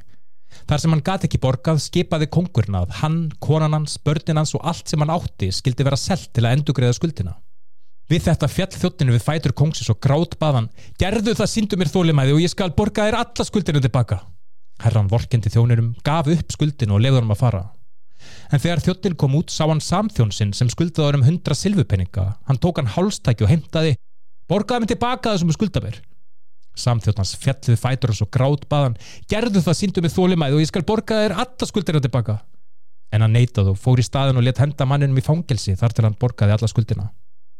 Þegar hinnir þjónarnir sáu þetta rittust þeir og fóru til herrans og sögðu hann um allt það sem hefði gest þá kallaði hann á þjónin og sagði þú fondi þjótt ég gaf þér upp resaskuld því þú gráttbaðis með um það hefði þú þá ekki átt að sína samþjóniðinum sömu miskun Herra var svo reyður að hann létt setja þjónin í fangilsi til að vera pintaður þar til hann hefði borgað allt tilbaka. Svona mun himneski faðiminn gera við öll þau sem fyrirgef ekki sískinu sínum í hjarta sínu. 19. kapli Þegar Jésu hafði lokið við þessa ræðu fór hann frá Galilegu og hjælt til lands Júta hinum einu við Jórdaná. Mikill mannfylgdu fylgdu honum og hann læknaði þau. Nokkrir farisar komu til að reyna hann og spurðu Má Karl skilja við eiginkonu sína hvað ástæða sem er? Jésu svaraði hafið ekki lesið að það er ritað að í upphafi skapaði Guð þau Karl og konu og sagði þetta er ástæðan fyrir því að Karl yfirgefur föður sin og móður sína og saminast konu sinni og þau tvö verða sem eitt hold. Þau eru því ekki lengur tvö heldur eitt hold. Það sem Guð hefur gefið saman má engin manneska slíta aftur í sundur. Farisætni spurði þá af hverju er það þá að Móse skipaði að ef Karl fer frá konu sinni þá verður hann að gefa henni skilnaðar pappir og senda henni burtu? Jésús svaraði Móse lefði hjónaskilnaði af því að hjörtu ykkar eru hörð. En það var ekki þannig frá upphafi. Ég segi ykkur að hver sem skilur við konu sína fyrir eitthvað annað en framhjáhald og er gefin saman við aðra konu er að halda framhjá. Lærisvennir sögðu við þann ef þetta er málið þá hlýtur það að vera betra að giftast ekki. Jésús svaraði það er ekki allra að setja sig við þessu orð einungist þeirra sem það hefur verið gefið sumt fólk getur ekki gengið í hjónaband af því að þau fættust hann Annað fólk getur það ekki vegna að gjörða annara og svo er það fólk sem ákveður að ganga ekki hjónaband vegna konursíkis heimilsins. Leifið þeim sem geta sætt sig við þetta að sætta sig við þetta. Þá kom fólk með lítil börn til Jésús og hann geti lagt höndina á þau og beði fyrir þeim, en lærisveinarnir ætlaði að reka þau í burtu. En Jésús sagði við þá, leifið litlu börnunum að koma til mín og ekki stöðva þau, því slíkra er konursíki heiminsins. Og hann læði hönd sína á þau og fór síðan þaðan. Þá kom maður upp að Jésu og spurði, kennari, hvaða góðu verk get ég unni til að uppskera eilift líf? Jésu svaraði, af hverju þetta spyrja mig um það sem er gott? Það er aðeins eitt sem er góður. En ef þú vilt uppskera eilift líf, skaltu halda bóðorðin. Hver þeirra? spurði maðurinn. Jésu svaraði, ekki fremja morð, ekki halda framhjá, ekki stela, ekki gefa rángan vittnesburð, heidraðu föðu þína móðu þína og elskaðu nágranna þína eins og þú elskar sjálfa þig.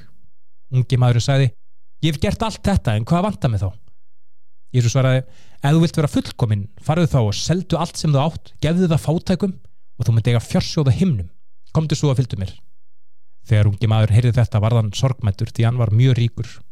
Þá sagði Jésu við lærisveinana, ég segi ykkur satt að það er mjög erfitt fyrir ríkt fólk að komast inn í konusíki heiminsins, en segi ykkur, Það er auðveldara fyrir úlvalda að komast í gegnum nálar auga en fyrir ríkt fólk að komast inn í konusíki Guðs. Þegar lærisveinadir heyrðu þetta urðu þeir mjög hissa og spurðu hverjum verður þá bjargað? Jésu leita á þá og sagði það er ómögulegt fyrir mannesku en með Guði er allt hægt. Pétur sagði þá við höfum yfirgifð allt og fylltir hver verða launin okkar?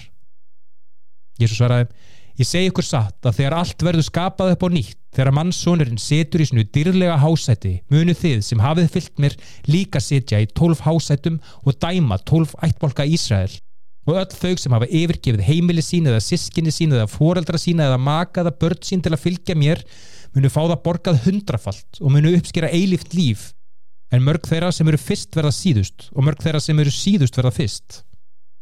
20. kapli Því konursiki himinsins er eins og landegandin sem fór út snemma morguns til að ráða verkamenn fyrir vingarðin sinn. Hann samti við þá að þeir fengju eitt silfurpenninga launum. Um nýju leitið fór hann aftur út og sá menn standandi á markastorkinu aðgerralösa. Hann saði við þá, farið þið líka og vinnið í vingarðin mínum og ég mun borga ykkur það sem er rétt. Og verkamennandi fóru á unnu. Landegandin fór aftur út um hádegi og enn aftur um þrjúleitið og gerði það sama. Um fimm í eftirmiddaginn fór hann út og fann enn aðra menn og spurði þá, af hverju eru þið búin að standa aðgerralösir hér í allan dag? Þeir svöruðu því enginn hefur búið okkur vinnu. Hann sagði þá, farið þið líka og vinnið í vingarðið mínum. Þegar það var komið kvöld sagði landegjandin verkstjóran sinn, kallaðu saman verkamenninu og borgaðu þeim launin. Borgaðu fyrst þeim sem komu síðastir og svo koll af kolli þar tólum kemur á þeim sem komu fyrstir. Verkamennið sem komu um fimmleitið fengu eitt silfurpenning hver. Þegar komað þeim sem komu fyrstir byggust þeir við að fá meira borgað en þeir fengu líka eitt silfurpenning hver. Þegar þeir fengu hann í hendur kvörtuðu þeir við landegjandan þessir síðustu unnu bara í eina klukkustund og þú hefur borgað þeim jafn mikið okkur sem hefur unnið megniða vinnunni og hefur heitast að hluta dagsins. En landegjandin svaraði vinnur, ég er ekki ósakjart við ykkur. Sömdu við ekki um eitt silvupenning takir laun ykkur á farið. Ég vil borga þeim sem voru ráðinni síðastir jafn mikið og ykkur. Má ég ekki gera það sem er sínust við mína eigin peninga? Eða eru þau öfundsjúkir af því að ég er gafumildur þannig verða hinn síðustu fyrst og hinn fyrstu síðust Á leiðsinni til Jérúsalem tók Jésu lærisveinana afsýðis og sagði við þá Við erum að fara til Jérúsalem og mannsónurinn mun verða seldur í hendur aðstuprestana og lögmálskennarana. Þeir munu dæman til dauða og færa hann í hendur heiðingina til að verða smánaður og hittur og krossfestur. Á þriðja degi mun hann rísu frá dauðum. Þá kom móðir Sepetasona til Jésu kraup fyrir framannan og baðan um greiða. Hvað er það sem þú vilt? spurði Jésu. Hún sagði Leifðu þessum svonum mínum að sitja í heiðursætt og himnum, annar við hægri höndin og hinn við vinstri höndina. Jésús svaraði, þú veist ekki hvað þú beður um. Gætu þið drukkið af þeim byggar sem ég er að fara að drekka af? Þeir svöruðu, við getum það. Jésús sagði við þá, þið munu vissulega að drekka af þeim byggar sem ég er að fara að drekka af, en hver situr mig til hægri eða vinstri, það er ákveðið af föðu mínum. Þegar hinnir tíu lærisveinir heyrðu þetta, tveim Jésu kallaði þá saman og sagði Þið vitið að valdhafar þessa heims vilja knæfa yfir þegna sína og hátsettir menn sína valdsett á undirmönnum sínum en látið ekki vera þannig hjá ykkur. Hver sem vill vera mikill meðalekkar skal vera þjóttn hinna og hver sem vill vera mestur á meðalekkar skal vera eins og þræll hinna. Rétt eins og mannsónurinn sem kom ekki til að vera þjónað heldur til að þjóna og gefa lífsi til að bjarga fjölda fólks. Þegar Jésu og lærisveinarnir voru að yfirgefa Jerikó fylgdi þeim mikill mannföldi Tveir blindir menn sátu við vegin og þegar þeir heyrðu að Jésu færi þar um, hrópuðu þeir Miskunnaðu okkur svonur Davís Mannfjöldin reynda að þakka niður í þeim en þeir hópuðu enn herra Miskuna þú okkur svonur Davids Jésu namn staður og kallaði til þeirra Hvað vilja ég gera fyrir ykkur? Þeir svöruðu, herra við viljum að auðu okkar opnist. Jésu hefði samá með þeim og snerti auðu þeirra. Þeir fengu sjónin og fylgdu honum. 21. kapli Þegar Jésu og lærisveinarnir nálguðust Jérúsalem og komið til Betfake við Ólifi fjall sendi hann tvo lærisveina og sagði við þá Farið í þorpið þarna og um leið og þið komið inn í það munið þið sjá östnu bundna við tre á samt fólaldi sínu. Leysu þau og komið með þau til mín. Ef þið eru spurður að því hvað þið séð að gera segið þá að herran þurfa þeim að halda og þá munið þið fá að taka þau. Þetta uppfyldi spátuminn sem spámaðurinn ritaði. Segið við dótturinn að Síón, fagnaðu, sjáðu, réttlátu og sigur sæli konungur þeirri komin, auðmjúkur, sitjandi asna, ungan östnu fóla. Lærisvennir fóru og gerðu eins og Jésu hafiði fyrirskipað. Þeir komið með östnuna á fólaldið, settu klæði sín á þau og Jésu fór á bak. Mart fólk setti klæði sín á veginn, annað fólk skarniður trjágreinar og setti þær á veginn.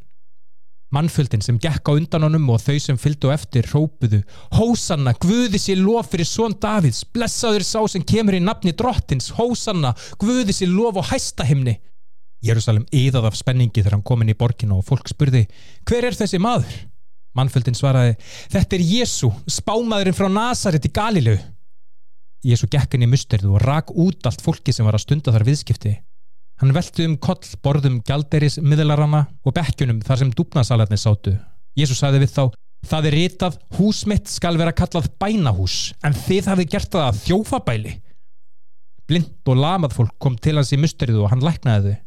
En þegar aðstu prestarnir og lögmálskennarinnir sáu þau undur samlugu verk sem hann vann og sáu börnin rópa í musterisgarðinum Hósanna, Guði sér lof fyrir svon Davids. Fylltust þeir reyði. Þeir spurði Jésu, Heyrið þú hvað þessi krakkar er að segja? Jésu svaraði þeim, já, hafið ekki lesið í rittningunni frá munni barna og ungbarna myndu fá þitt trós. Þá snýri Jésu aftur til Betaníu þar sem hann dvaldi um nottina. Jésu fór snemma morguns aftur til borgarinnar. Hann var svangur og sá fíkutrifi veginn, fór upp að því en fann ekki ávexti á því. Þá saða hann við treð, aldrei aftur myndu bera ávöxt og um leið vissnaði treð. Þegar lærisveinarnir sáu þetta urðu þeir furðu losnir. Þeir spurðu hvernig gaf tríði vissna svona fljótt? Jésús svaraði, ég segi ykkur satt að ef þið trúið og efist ekki þá getið ekki bara gert þetta við fíkutríði heldur líka sagt við þetta fjall farað og hendur í sjóin og það myndi hlýða ef þið trúið fáið þið allt það sem þið byggðið um Jésús fór inn í musterisgarðin og á meðan hann kendi komu öldungarnir til hans og spurðu með hvaða valdi gerir þú þetta og hver gaf þér þetta vald? Jésús svaraði Ég ætla að fá að spyrja ykkur að spurningu á móti og ef þið getur svara henni skal ég svara ykkar spurningu. Skýrtn Jóhannesar, hvaðan kom hún? Kom hún af himnum eða frá mönnum? Öldugurni rettu svona á millu og sögðu ef við segjum af himnum þá spyr hann af hverju við trúðum ekki Jóhannesi. En ef við segjum hún kom frá mönnum mun fólki ráðast á okkur því þau trúa Jóhannes að vera spámaður.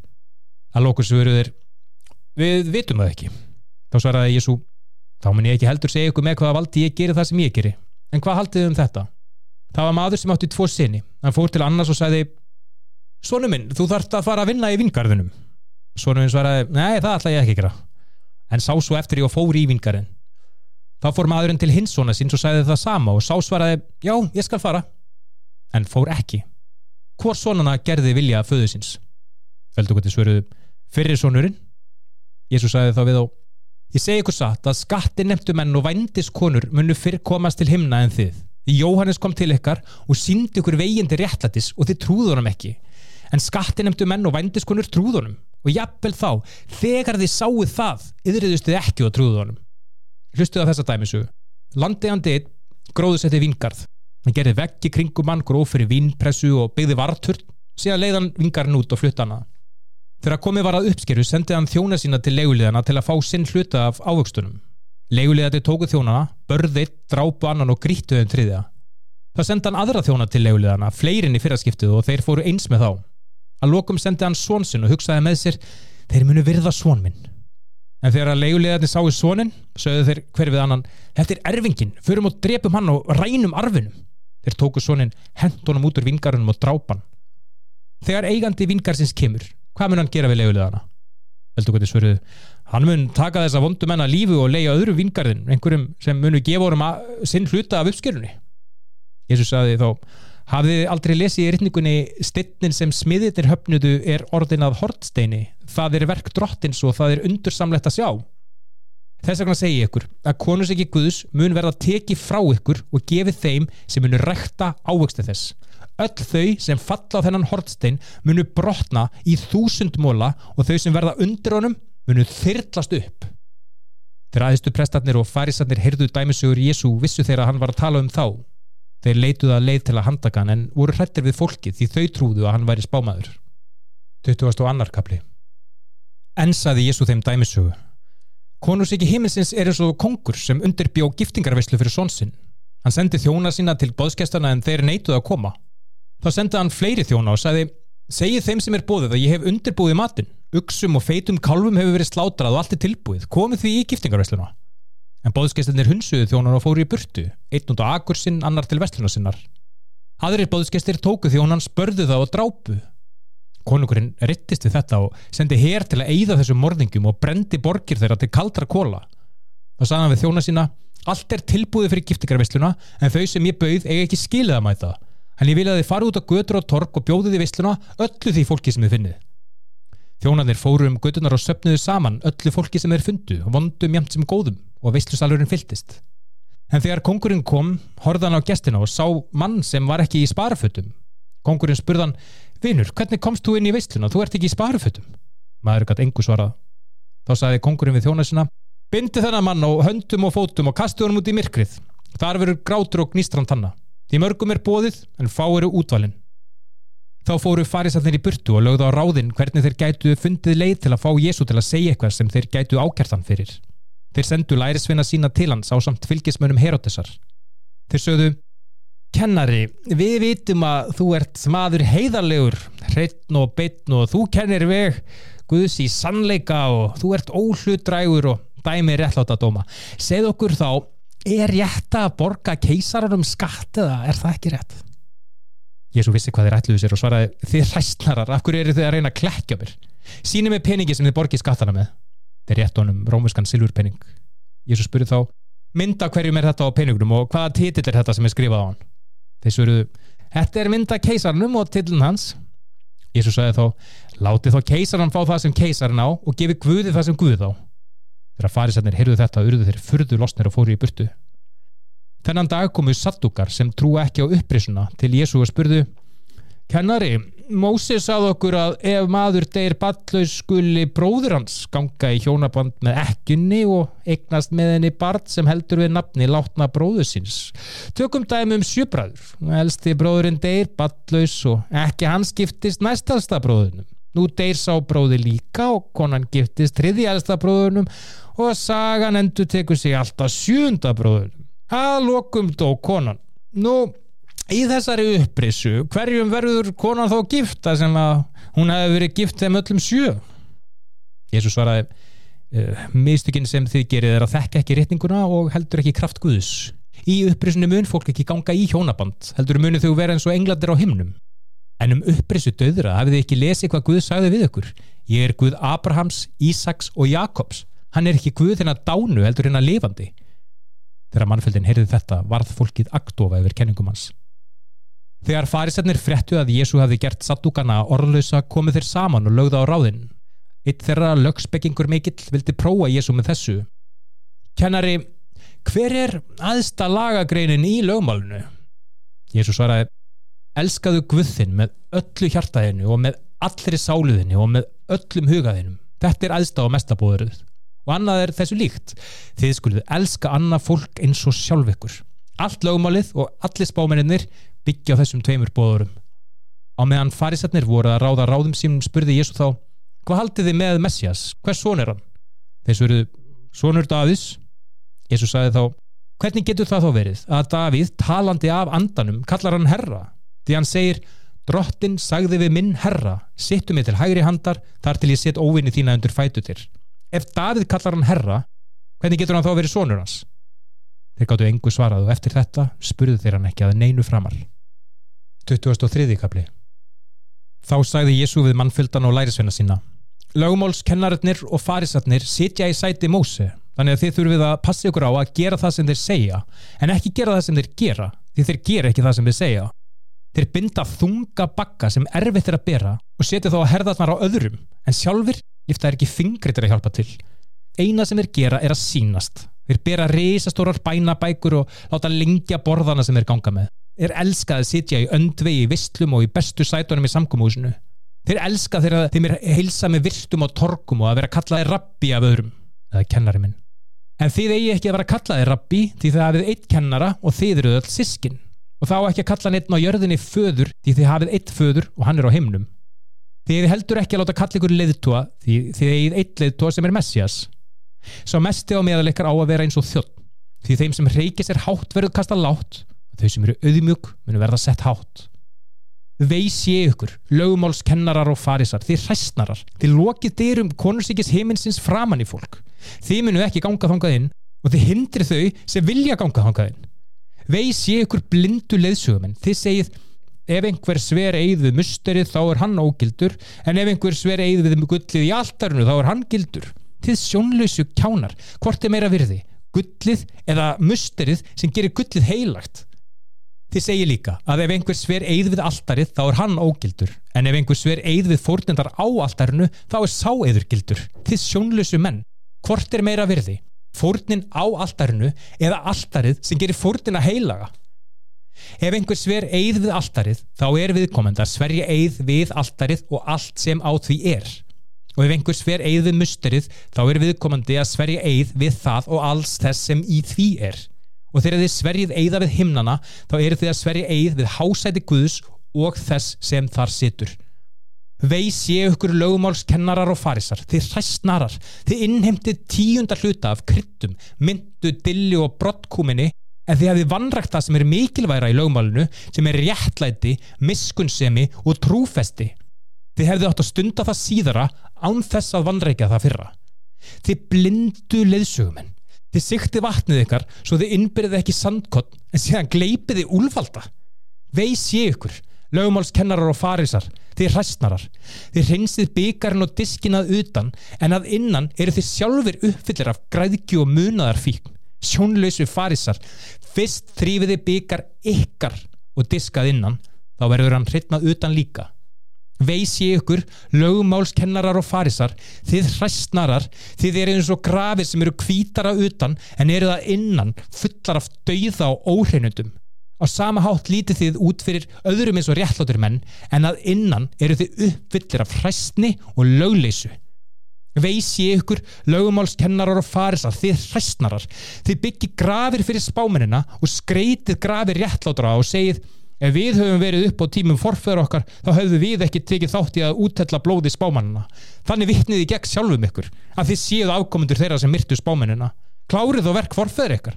Þið snákar, þið afkvæmi höggorma hvernig ætli þið að sleppa við loga dómsins? Þess vegna sendi ég til ykkar spámenn, spekinga og kennara.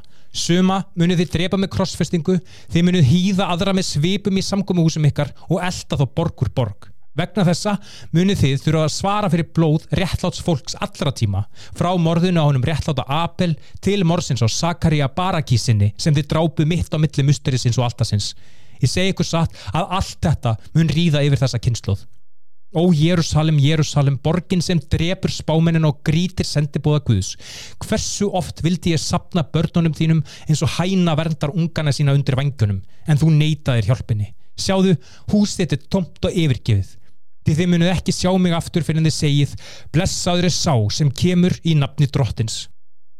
2004. kapli Jésu yfirgaf musterisgarðin og lærisveinarnir bent honum á byggingar musterisins en Jésu sagði við þá Sjáu þið allar þessar byggingar? Ég segi ykkur satt að ekki einasti stitt mun standa hér eftir. Þeir munu allir hinja. Þegar Jésu satt á Ólífi fjalli komu lærisveinarnir til hans einslu og spurðu Segð okkur hvenar mun þetta gerast og hvaða ták munu bóða komuðin og lók þessa tíma? Jésu svaraði Passið ykkur á að blekkjast ekki því margir munu koma í mínu nafni segjandi Ég er Messias og margir munu blekkjast. Þið munu heyra í stríðslátum og frétta um stríðsátök en ekki óttast, þetta þarf að gerast en það er ekki þar með að þetta endur í sig komin. Þjóður munu fara í stríð gegn þjóðum og konusíki munu fara í stríð konusíki og á ýmsum stöðum verða hungursneiðir og jarðskjaldar. En allt þetta verður einungis upp af fæðingartíðana. Þá munu þið vera framseldi þeirra sem ofsækja ykkur og þið munu vera drepin og þið verður hötuð af öllum þjóðum vegna napsmins. Þá mun margt fólk falla frá trúnu og svíkja hvert annað og hata hvert annað. Margir falsbáminn munu rísu upp og munu blekja marga.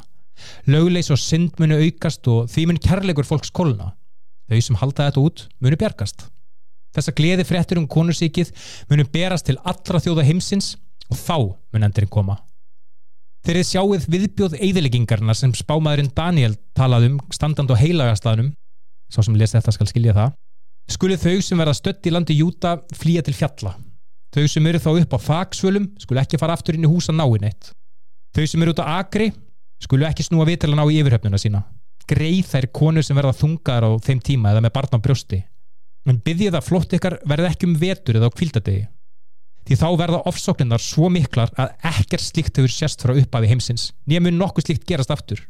Ef þessi tími er það ekki stittur, myndi ekki neitt fólk komast lífsaf en vegna hennar útvöldu mun þessi tími vera stittur ef einhver segir við þig á þessum tímum sjáðu, Kristur er hérna eða hann er þarna, ekki trúa þeim. Því fals Kristur og fals báminn munu rýsu upp og munu framkama mikil tákn og undur til að afvega leiða fólk jafnvel hinn útvöldu. Það ekki eftir ég segi þetta við ykkur áður en það gerist þannig ef einhver segir við þig sjáðu, hann er í óbyðunum, ekki faraðanga ef einhver segir við þig sjáðu, hann er í bakarbygginu, ekki trúa því. Því koma mannsónarins mun verða eins og elding sem liftrar frá austri til vestus hvar sem eru lík þar sapnast hrækamanni saman. Þegar þessum dögum líkur mun sólinn myrkvast og tunglið hætta að lýsa stjörtundar munur rapa af himni og kraftur himnana mun bifast. Og þá mun tákn mannsónarins sjást á himni og allar þjóðir jarðarinnar munu gráta örlög sín þegar þær sjá mannsónin koma á skýjum heiminsins með miklu mætti og í mikilli dýrð Hann mun senda engla sína með miklum lúðraþitt og þeir munu sapna saman hans útvalda fólki frá vindunum fjórum, frá öðrum enda heiminsins til hins. Meðtæki nú lært um fíkutrésins. Þegar greinar þess mýkjast og laufin byrjað bruma, þá veistu að sumarinn nálgast. Á sama hátt myndu vita að þegar þessir atbyrður eiga sér stað, þá er mannsvonurinn rétt og komin. Ég segi ykkur satt. Þessi kynnslóð mun ekki líðundi lók áður en allt þetta mun gerast. Heimin og jörð munu líðundi lók, en það munu orð mín ekki gera en hvorki sonurinn í englandir vita hvaða dag þetta gerist, það veit enginn um að fadrin. Þegar mannsonurinn snýr aftur verður það eins og að dögum nóa því dagana fyrir flóðið átt fólk og drakk og gekk í hjónaband alveg þar til nói gekk um borði í örkina og þau vissu ekkert hvað var að fara að gerast fyrir flóðið kom og reyfðu öll í burtu. Þannig verður það líka þegar mannsonurinn kemur. Tveir verða á agri, annar tekir og hinskilin eftir. Tvær verða að mala kott, önnur tekir og hinskilin eftir. Verið því á verði, því þið vitið ekki hvernar herran kemur. En skiljið þetta, Ef eigandi hús veit hvenar þjóvar alltaf brjótast inn mun hann vera á verði og koma í vekk fyrir innbrotið. Þannig þurfu þið líka að vera reyðubúin því mannsónurinn mun koma þegar þú átt ekki vona á honum. Trúfastur og góður þjótt er sá sem herran getur látið bera ábyrð á að sam þjónar hans fá að borða á réttum tíma. Ef herran snýr aftur og sér að þjóttmanns hefur stað undir ábyrðinni mun þjóttinu uppsker eftir því. Ég segi ykkur satt, hann mun setja þann þjón yfir allar eigu sínar en hugsa um okkur að þjóttin sé vondur og sjá að herra sinn sé lengi í burtu og hann fara að berja samþjóna sína og geta og, og drekka með drikkjur útum svo kemur herran þegar þjóttin á alls ekki vonaði þá mun hann skera þjónin á hól og skipa hann um stað með hræstnurlum þar verður grátur og gnýstrandanna 2050 kapli þá er konurs ekki heimisins líkt og tíu megar sem tókur lampa sína til að fara að hitta brúðkuma sinn. Fimm þeirra voru hyggnar og fimm þeirra voru það ekki. Þær sem voru það ekki tóku lampa sína en enga ólíu en þær sem voru hygnar tóku ólíu ásandlömpunum brúðguminn var lengi á leiðinu og þær sopnuðu. Á miðnætti var rópað brúðguminn er hér, farið og hittið hann. Þá fóru meginnar á fætur og undirbyggu lampana sína þær sem voru ekki hygnar sögðu við hinnar gefið okkur af ólíunu ykkar því lampanir okkar er að vera ólíulöysir þær sem voru hygnar sögðu nei því þá munu bæði lampanir okkar og lampanir ykkar verða ólíulöysir farið fyrir okkur að kaupið ólíu en á meðan þær voru í burtu kom brúðguminn.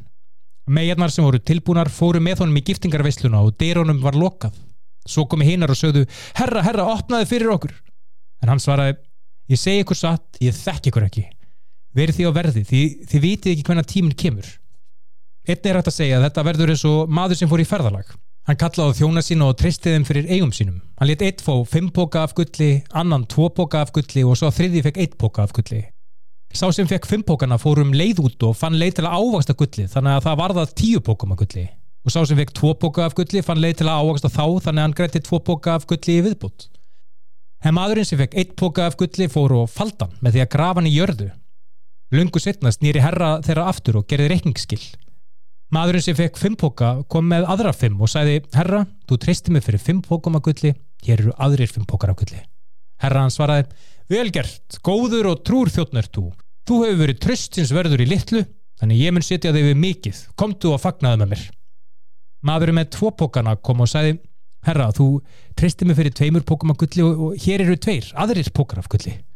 Herra hann svaraði Velgert, góður og trúr þjóttnir þú. Þú hefur verið tröstins verður í litlu, þannig ég mun setja þig yfir mikið. Komdu og fagnaði með mér. Þá kom maðurinn með eina pókan og sagði Herra, ég veit þú ert harlendur maður, skerð upp það sem þú gróðusettir ekki og sapnar því sama sem þú sáðir ekki, þannig að ég var hrættur og fór og faldi gullið þitt með því að grafa það í jörðu sjáðu, hérna er það sem þú átt Herra hann svaraði, þú lélegi og lati þjótt, þú vissir að ég sker það upp sem ég gróðusett ekki og sapna því saman sem ég sáð ekki. Þannig að þú hefur átt að setja gullið mitt í banka þannig að þegar ég snýri aftur fengi ég allavega vexti, taki gullið af honum og láti þann með tíu bókana fó Því þau sem hafa munum fá meira og hafa gnægð en frá þeir sem ekkert hafa verið tekið það sem þau þó eiga. Og kastið þau sem ónýta þjónut í myrkrið það sem verið grátur og gnístrand hanna. Þegar mannsónurinn kemur í allir sinni dýrð og allir engladir með honum mun hann sitja í dýrlegu hásæti sínu. Allar þjóðir munu sapnast fyrir framannan og hann mun flokka fólk eins og smali flokkar kindurnar frá geitunum. Hann mun setja söðfíð hægra megin við sig og geiturnar vinstra megin. Þá mun konungurinn segja við þau sem eru hægra megin við hann komið þið sem eru blessuð af föðu mínum takið það sem þið fenguð í arf konungstæmið sem var undirbúið fyrir ykkur síðan alheimurinn var skapaður því ég var svangur og þið gáðu mér mat ég var þistur og þið gáðu mér að drekka. Ég var ókunnugur og þið buðu mér inn. Ég var nakin og þið gáðu mér född ég var veikur og þið sáuð um mig. Ég var í fangelsi og þið komuð að heimsækja mig. Þá munum henn réttláttu spyrja herra, hvenna varstu svangur og við gáðum þér mat eða þistur og við gáðum þér að drekka? Hvenna varstu ókunnugur maður sem við buðum inn eða nakin og við gáðum þér född hvenna við þið veikan eða í fangels og við heimsóttu þig? Konungurinn mynd þá svara ég segi ykkur satt, hvað sem þið gerðu fyrir minnstu sískinni mín, það gerðu þið fyrir mig þá mun konungurinn segja við þau sem eru við vinstri hliðans farið frá mér, þið bölvaða fólk og farið í óslökkandi eldin sem er ætlaður djöflinum og englum hans Því ég var svangur og þið gáða mér ekki mat. Ég var þystur og þið gáða mér ekki að drekka. Ég var ókunnugur og þið buðu mér ekki inn. Ég var nakin og þið klættu mig ekki. Ég var veikur og í fangelsi en þið heimsóttu mig ekki. Þá munið þið svara, herra, hvena sáu við þið svangan, þystan, ókunnuga, nakin, veikan Hann mun svara, ég segi ykkur satt að það sem þið gerðuð ekki fyrir minnsta sískin ykkar, það gerðuð þið ekki fyrir mig. Þau munið þá fara í eilífa refsingu meðan hinn fara til eilífs lífs. 27. kapli Þegar Jésu hafði lokið við að flytja þessa ræðu sagði hann við lærisvinnana eins og þið vitið eru páskar eftir tvo dag og þá verður mannsónurinn svikinn og seldur í hendur manna sem munu krossfestan Æðstuprestarnir og öldungarnir hittust í höll æðstaprestsins sem hétt Kæfas Þeir lögðu á ráðinum að handtaka Jésu með lind og drepan Þeir sögðu en ekki á meðan hátíðin er, það geti valdið óyrðum Þegar þetta átti sér stað var Jésu heima hjá Símoni Holtzveika í Betaníu Kona kom til Jésu með mjölkursteins krukku með dirri ilmólíu sem hún held yfir höfðans. Þegar lærisveinanir sáu þetta spurðu þeir nextlaðir af hverju þessi sóun? Það hefði verið hægt að selja þetta dýrum dóm að gefa fátakum. En Jésu svaraði af hverju eru þið að ángra konuna? Hún er hér að vinna góðverk. Þið hafið alltaf fátæka hjá okkur og, en mig hafið ekki alltaf hjá okkur. Hún held þessari ilmólíu til að undirbúa líka með fyrir grefturinn. Ég segi ykkur satt, hvar sem í heiminum gleði fréttinnar verða fluttar mun fólk minnast þess sem hún hefur gert hér. Þá fór einn hérna tólf, Júta Ískarjót til aðstuprestana og sagði Hvað mynduðu borga mig fyrir að svíkja? Þeir töldu 30 silfurpenninga og leta hann fá. Frá þeirri stundu leitaði hann að rétta tímanum til að svíkja Jésu. Á fyrsta degi hátíðar ósýrðu brauðana komi lærisveinadir til Jésu og spurðu Hvar viltu að við undurbúum stað þar sem þú getur borðað páskamáltiðina? Jésu svaraði Farið inn í borgina og þar munið þið sjá mann. Segið við hann, kennarinn segir, tími minn er komin. Ég ætla að halda páskamáltíðana með lærisveinum mínum heima hjá þér. Lærisveinanir gerðu eins og Jésu sagði og undirbyggu páskamáltíðina. Þegar það var komið kvöld var Jésu við mataborðið á samtinnum tólf. Á meðan máltíðinni stóð sagði Jésu, ég segi ykkur satt, einn af ykkur mun svíkja mig. Þeir eruðu sorgmættir og sögðu einn af öðrum, þú ætti alveg örugleikki við mig, er það nokkuð herra? Jésu svaraði, Sá sem hefur dilt þessari skál með mér mun svíkja mig. Mannsónurinn mun deyja, eins og rétningin sagði fyrir um fyrir lungu síðan. En vei sé þegar manni sem svíkur mannsónin. Það verið betra fyrir hann að hafa aldrei fæðist. Þá sagði Júta sá sem var að fara að svíkja hann "E- ekki áttu við mig, rabbi.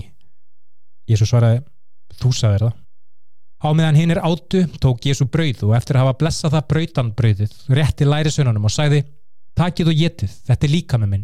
Síðan tók hann byggar og eftir að hafa þakka Guði, rétti hann þeim byggarinn og sagði, drekkið allir úr þessum byggar, þetta er blóð mitt sem staðfestir sáttmálan millir Guðs og fólksans. Því er útelt sem fórn til að fyrirgefa syndir þess. Ég segi ykkur, ég mun ekki drekka af ávexti vinnviðarins aftur fyrir en ég drekka nýjan með ykkur í konungsíki föður míns. Þegar þeir höfðu sungið sálm fóru þeir á Ólififjall og Jésús sagði við þá Nú í kvöld munu þið allir yfirgefa mig því rétningin segir ég mun slá hyrðin og fjöð mun tvistrast. En eftir ég hef risuð upp mun ég fara undan einhvern til Galilegu Pétur sagði þá Jeppel þótt allir aðrir yfirgefið þig mun ég aldrei gera það. Jésús svaraði Ég segi þér satt, nú í nótt áður en hani galar myndi hafa afnetta mér þrísvar en Pétur svaraði Jeppel þótt ég þyrft að deyja með þér mynd- myndi ég aldrei afnetta þér Hinn lærisveinir töluðu allir á sama veg. Þá fór Jésu með lærisveinunum á stað sem heitir Getsemanni og sagði við þá, siti hér menn ég fyrir að byð. Hann tók með sér Pétur og tvo sinni Sebeta og hann fór að fyllast af sorg og angist. Jésu sagði við þá, sálminn er full af svo yfirþyrmandi sorg að ég ræðvalla við það. Veri hér og verði fyrir mig. Hann gekk aðeins lengra og fjall fram svo andlitið bar við jörðina og bað, faði minn, ef það er mögulegt, taktu þá þennan byggar frá mér þó ekki eins og ég vil, heldur eins og þú vilt. Svo snýrið hann aftur til lærisveinuna og sá að þeir sváfu og spurði Pétur, gáttu þið ekki vaka með mér í eina klukkustund, vakið og byggið svo þið munið ekki falla í fristni, því andin er tilbúin en líka minn veikur. Hann fór aftur og bað, faði minn, ef það er ekki mögulegt að þessi byggar verði tekin frá mér án þess að ég drekja á hannum, verði þá þinn vilji. Þegar hann kom aftur sá hann að þeir voru sopnaðir aftur því þeir gáttu ekki haldið augunum opnum. Jésu fór aftur í burtu og baði þriðja skiptið sömu bæn. Þá snýra hann aftur til lærisveinun og sagði við þá, eru þið svofandi ennþá? Sjáuð, tímin er komin og mannsónurinn er að verða framseldur til syndarina. Farið og fætur, við skulum halda af stað, hér kemur svo sem svíkum mig. Á meðan hann var að tala kom Júta einnina tólf. Með honum var stór hópur sendur af æðstuprestunum og öldungunum. Þeir voru vopnaðir sverðum og kilvum. Svikarinn hafði undirbúið merkið til að gefa þeim. Sá sem í kissi er sá sem þeir vilji handtaka. Júta fór til Jésu og sagði, Sællrabbi og kist hann. Jésu svaraði, vinur, gerðu það sem þú ætlaðir er. Menniti stegu fram á handtóku Jésu. Einn af lærisununum tók þá upp sverð og skar eirað af einum þjóni aðstafrestins. Jésu sagði þá, slíðraðu sverðið, þeir sem beita sverði, falla fyrir sverði. Heldur ég get ekki beðið föðu minn og hann myndi senda mér tólf hersveitir engla um leið. En hvernig ætti rýttingin að rætast sem sagði að þetta myndi gerast á þennan hátt? Jésu sagði þá við hópin, er ég ræningi þannig að þið þurfið að hafa sverð og kilfur til að handtaka mig. Ég satt á hverjum degi í musteriskarðunum og kendi og þið handtóku mig ekki. En þetta verður alltaf gerast svo það ræti sér spámenninni rítuðu. Þá flúðu allir lærisveinarnir og skildu Jésu einan eftir. Þeir sem handtóku Jésu fóru meðan til Kæfasar, aðsta pressins, þar sem lögmálskennararnir og öldungarnir höfðu sapnast saman. En Pétur fylgdi í humátt og eftir, alveg að hallargarði aðsta pressins. Hann fór inn og settist niður með vörðunum til að sjá hvað myndi gerast. Allt öldungaþingið og aðstu prestati reyndu að finna vitni sem myndu ljúa upp á Jésús og þeir getu dæmt hann til dauða.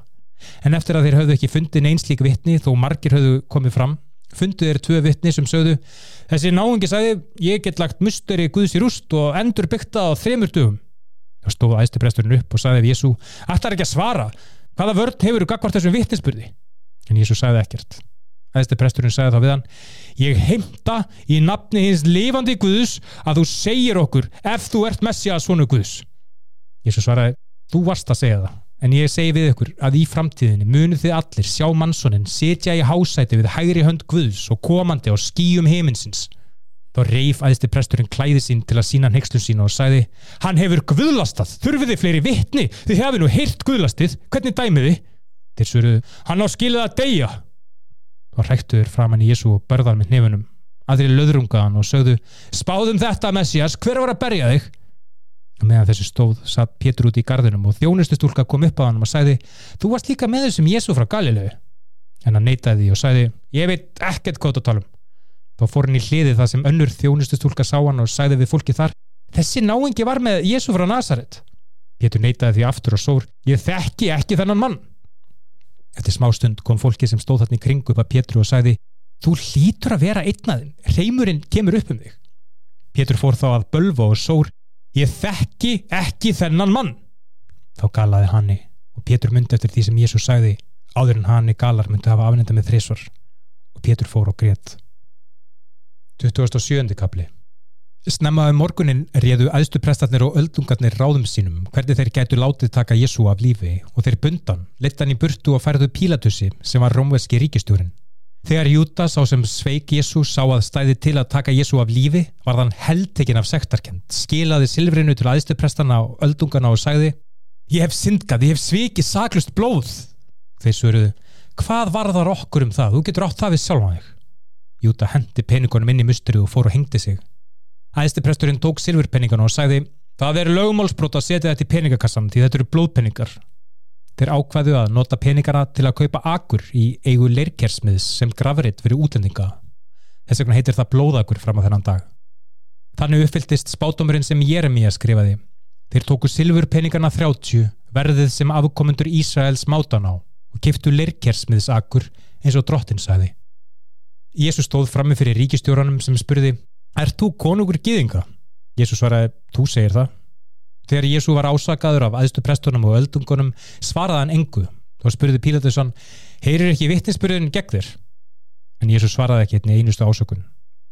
Það var hefðað á páskaháttíðinni gæfi ríkistjórin gíðungunum eitt fanga lausan. Á þessum tíma var í haldi allræmdur fangi sem hétt Barrabas. Þegar fjöldi fólks að við sapnað saman spurði Pílatus fólkið, Hvort viljið þið að ég láti lausan, Barrabas eða Jésu sem er kallaði Messias? Því Pílatus vissi að Jésu hefði verið handtekinn vegna öfundar trúaleitóana. Á meðan Pílatus satt í dómarasætunu sendi kona hans til hans skilabóð. Látti þennan saklösa mann í friði því ég kvaldist mikið í draumi í nóttvögnu hans.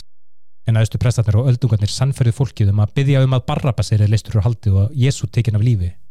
Pílatus spurði, hvort þessara vil ég að ég gefi lausan? Fólki svaraði, Barrabas! Pílatus sagði þá, en hvað er ég að gera við Jésu sem er kallaðið Messias? Fólki öskaði tilbaka, Krossfestan! Pílatus spurði þá, af hverju? Hvaða glæp hefur hann framið? En fólki svaraði ennherra en áður, Krossfestan! Þegar Pílatus sá að fólkið var ekki að fara að haggast og að það var að myndast múeising, náða hann í skála vatnu og þvoði hendur sínar fyrir framann fólkið og sagði, ég er saklaus af útællingu blóð þessa manns, þetta er á ykkar ábyrð. Fólki rópaði á móti, blóðans er á okkar ábyrð og batn okkar.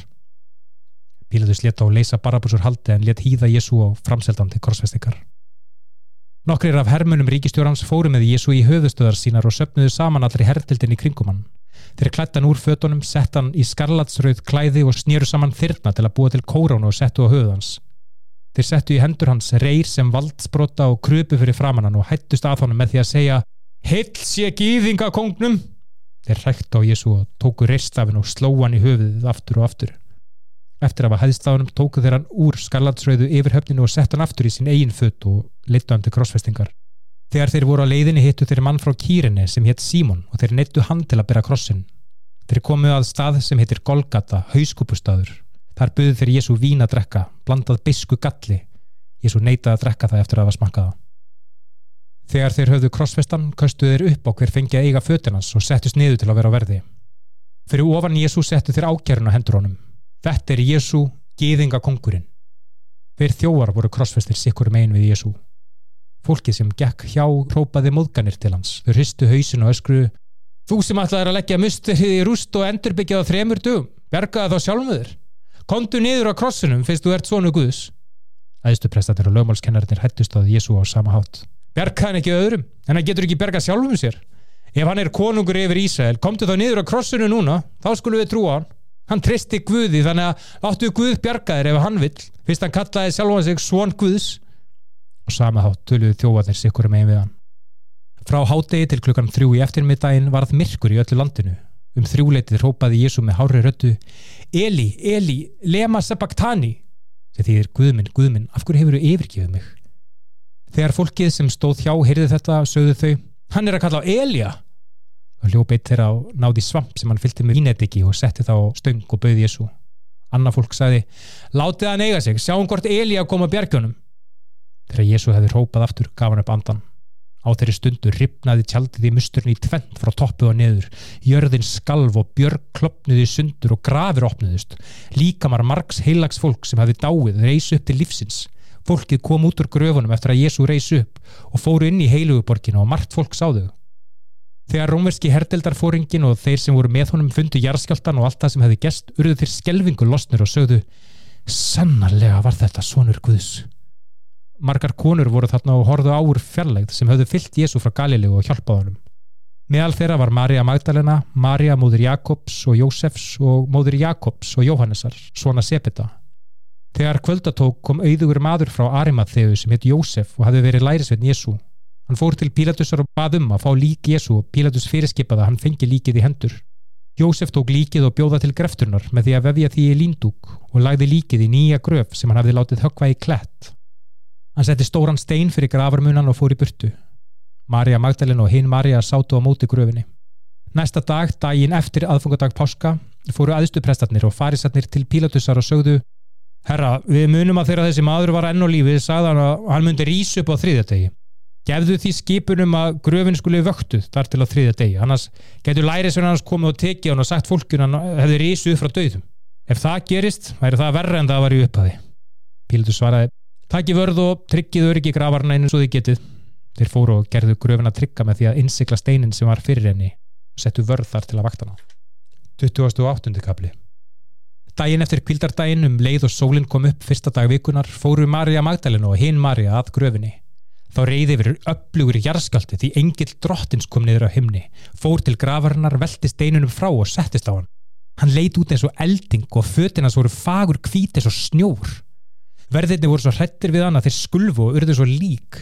Engilin sagði þá við korunar, ekki vera hrettar, því ég veit að þið leitið að Jésús sem var krossfestur, hann er ekki hérna. Hann hefur risið upp frá dauðum eins og hann sagði að myndi gerast. Komið og sjá í staðin það sem hann lá. Farið svo strax til lærisveinans og segið þeim, Jésu hefur risið upp frá dauðum og fyrir á undan ykkur til Galilu. Þar munið þið sjá hann. Munið það sem ég sagði. Konundar flýttu sér frá gröfinni, óttasleiknar en samt fullar af gleðu og hlupu til lærisveinana til að flytja þeim fréttinnar. Þegar þær voru á leiðinni mættu þær Jésús sem sagði, Sælar verið þið. Þær fóru til hans, grepu um fætur hans og hildan. Þá sagði Jésu við þær, ekki vera hrettar. Farið og segið bræðurum mínum að fara til Galilu. Þar munið þeir hitta mig. Á meðan konundar voru á leiðinni fóru nokkrir af vörðunum til aðstuprestana til að segja þeim allt það sem hefði gest. Þegar aðstuprestarnir höfðu hitt öldungan og lagt á ráðin, letu þeir verðin að fá háa fjárhraði í mútur og sögðu við þá Þeir skulu segja, lærisveinar hans komu nóttur á stálunum en að við sváum. Ef þið segið þetta við ríkistúran, munum við verja ykkur svo þið lendið ekki vandraðum. Verðirnir tóku við peningunum og gerðu eins og þeim var sagt og þessi saga hefur gengið meðal gýðingana allt í þessa dags. Þá fóru lærisveinadir 11 til fjálsis í Galilögu sem Jésu hefði sagt þeim að fara til. Þegar þeir sá hann tilbúðað þeir hann en sumir efiðust en þá. Þá kom Jésu til þeir og sagði Mér hefur verið gefið allt vald á himnum og á jörðinni. Farið því og gerið allar þjóðir að lærisveinum og skýrið fólk í nafni föðursins, sonarins og heilags anda og kennið þeim að hlýða öllu sem ég hef bóðað ykkur og sannarlega er ég með ykkur allt til loka þessa heims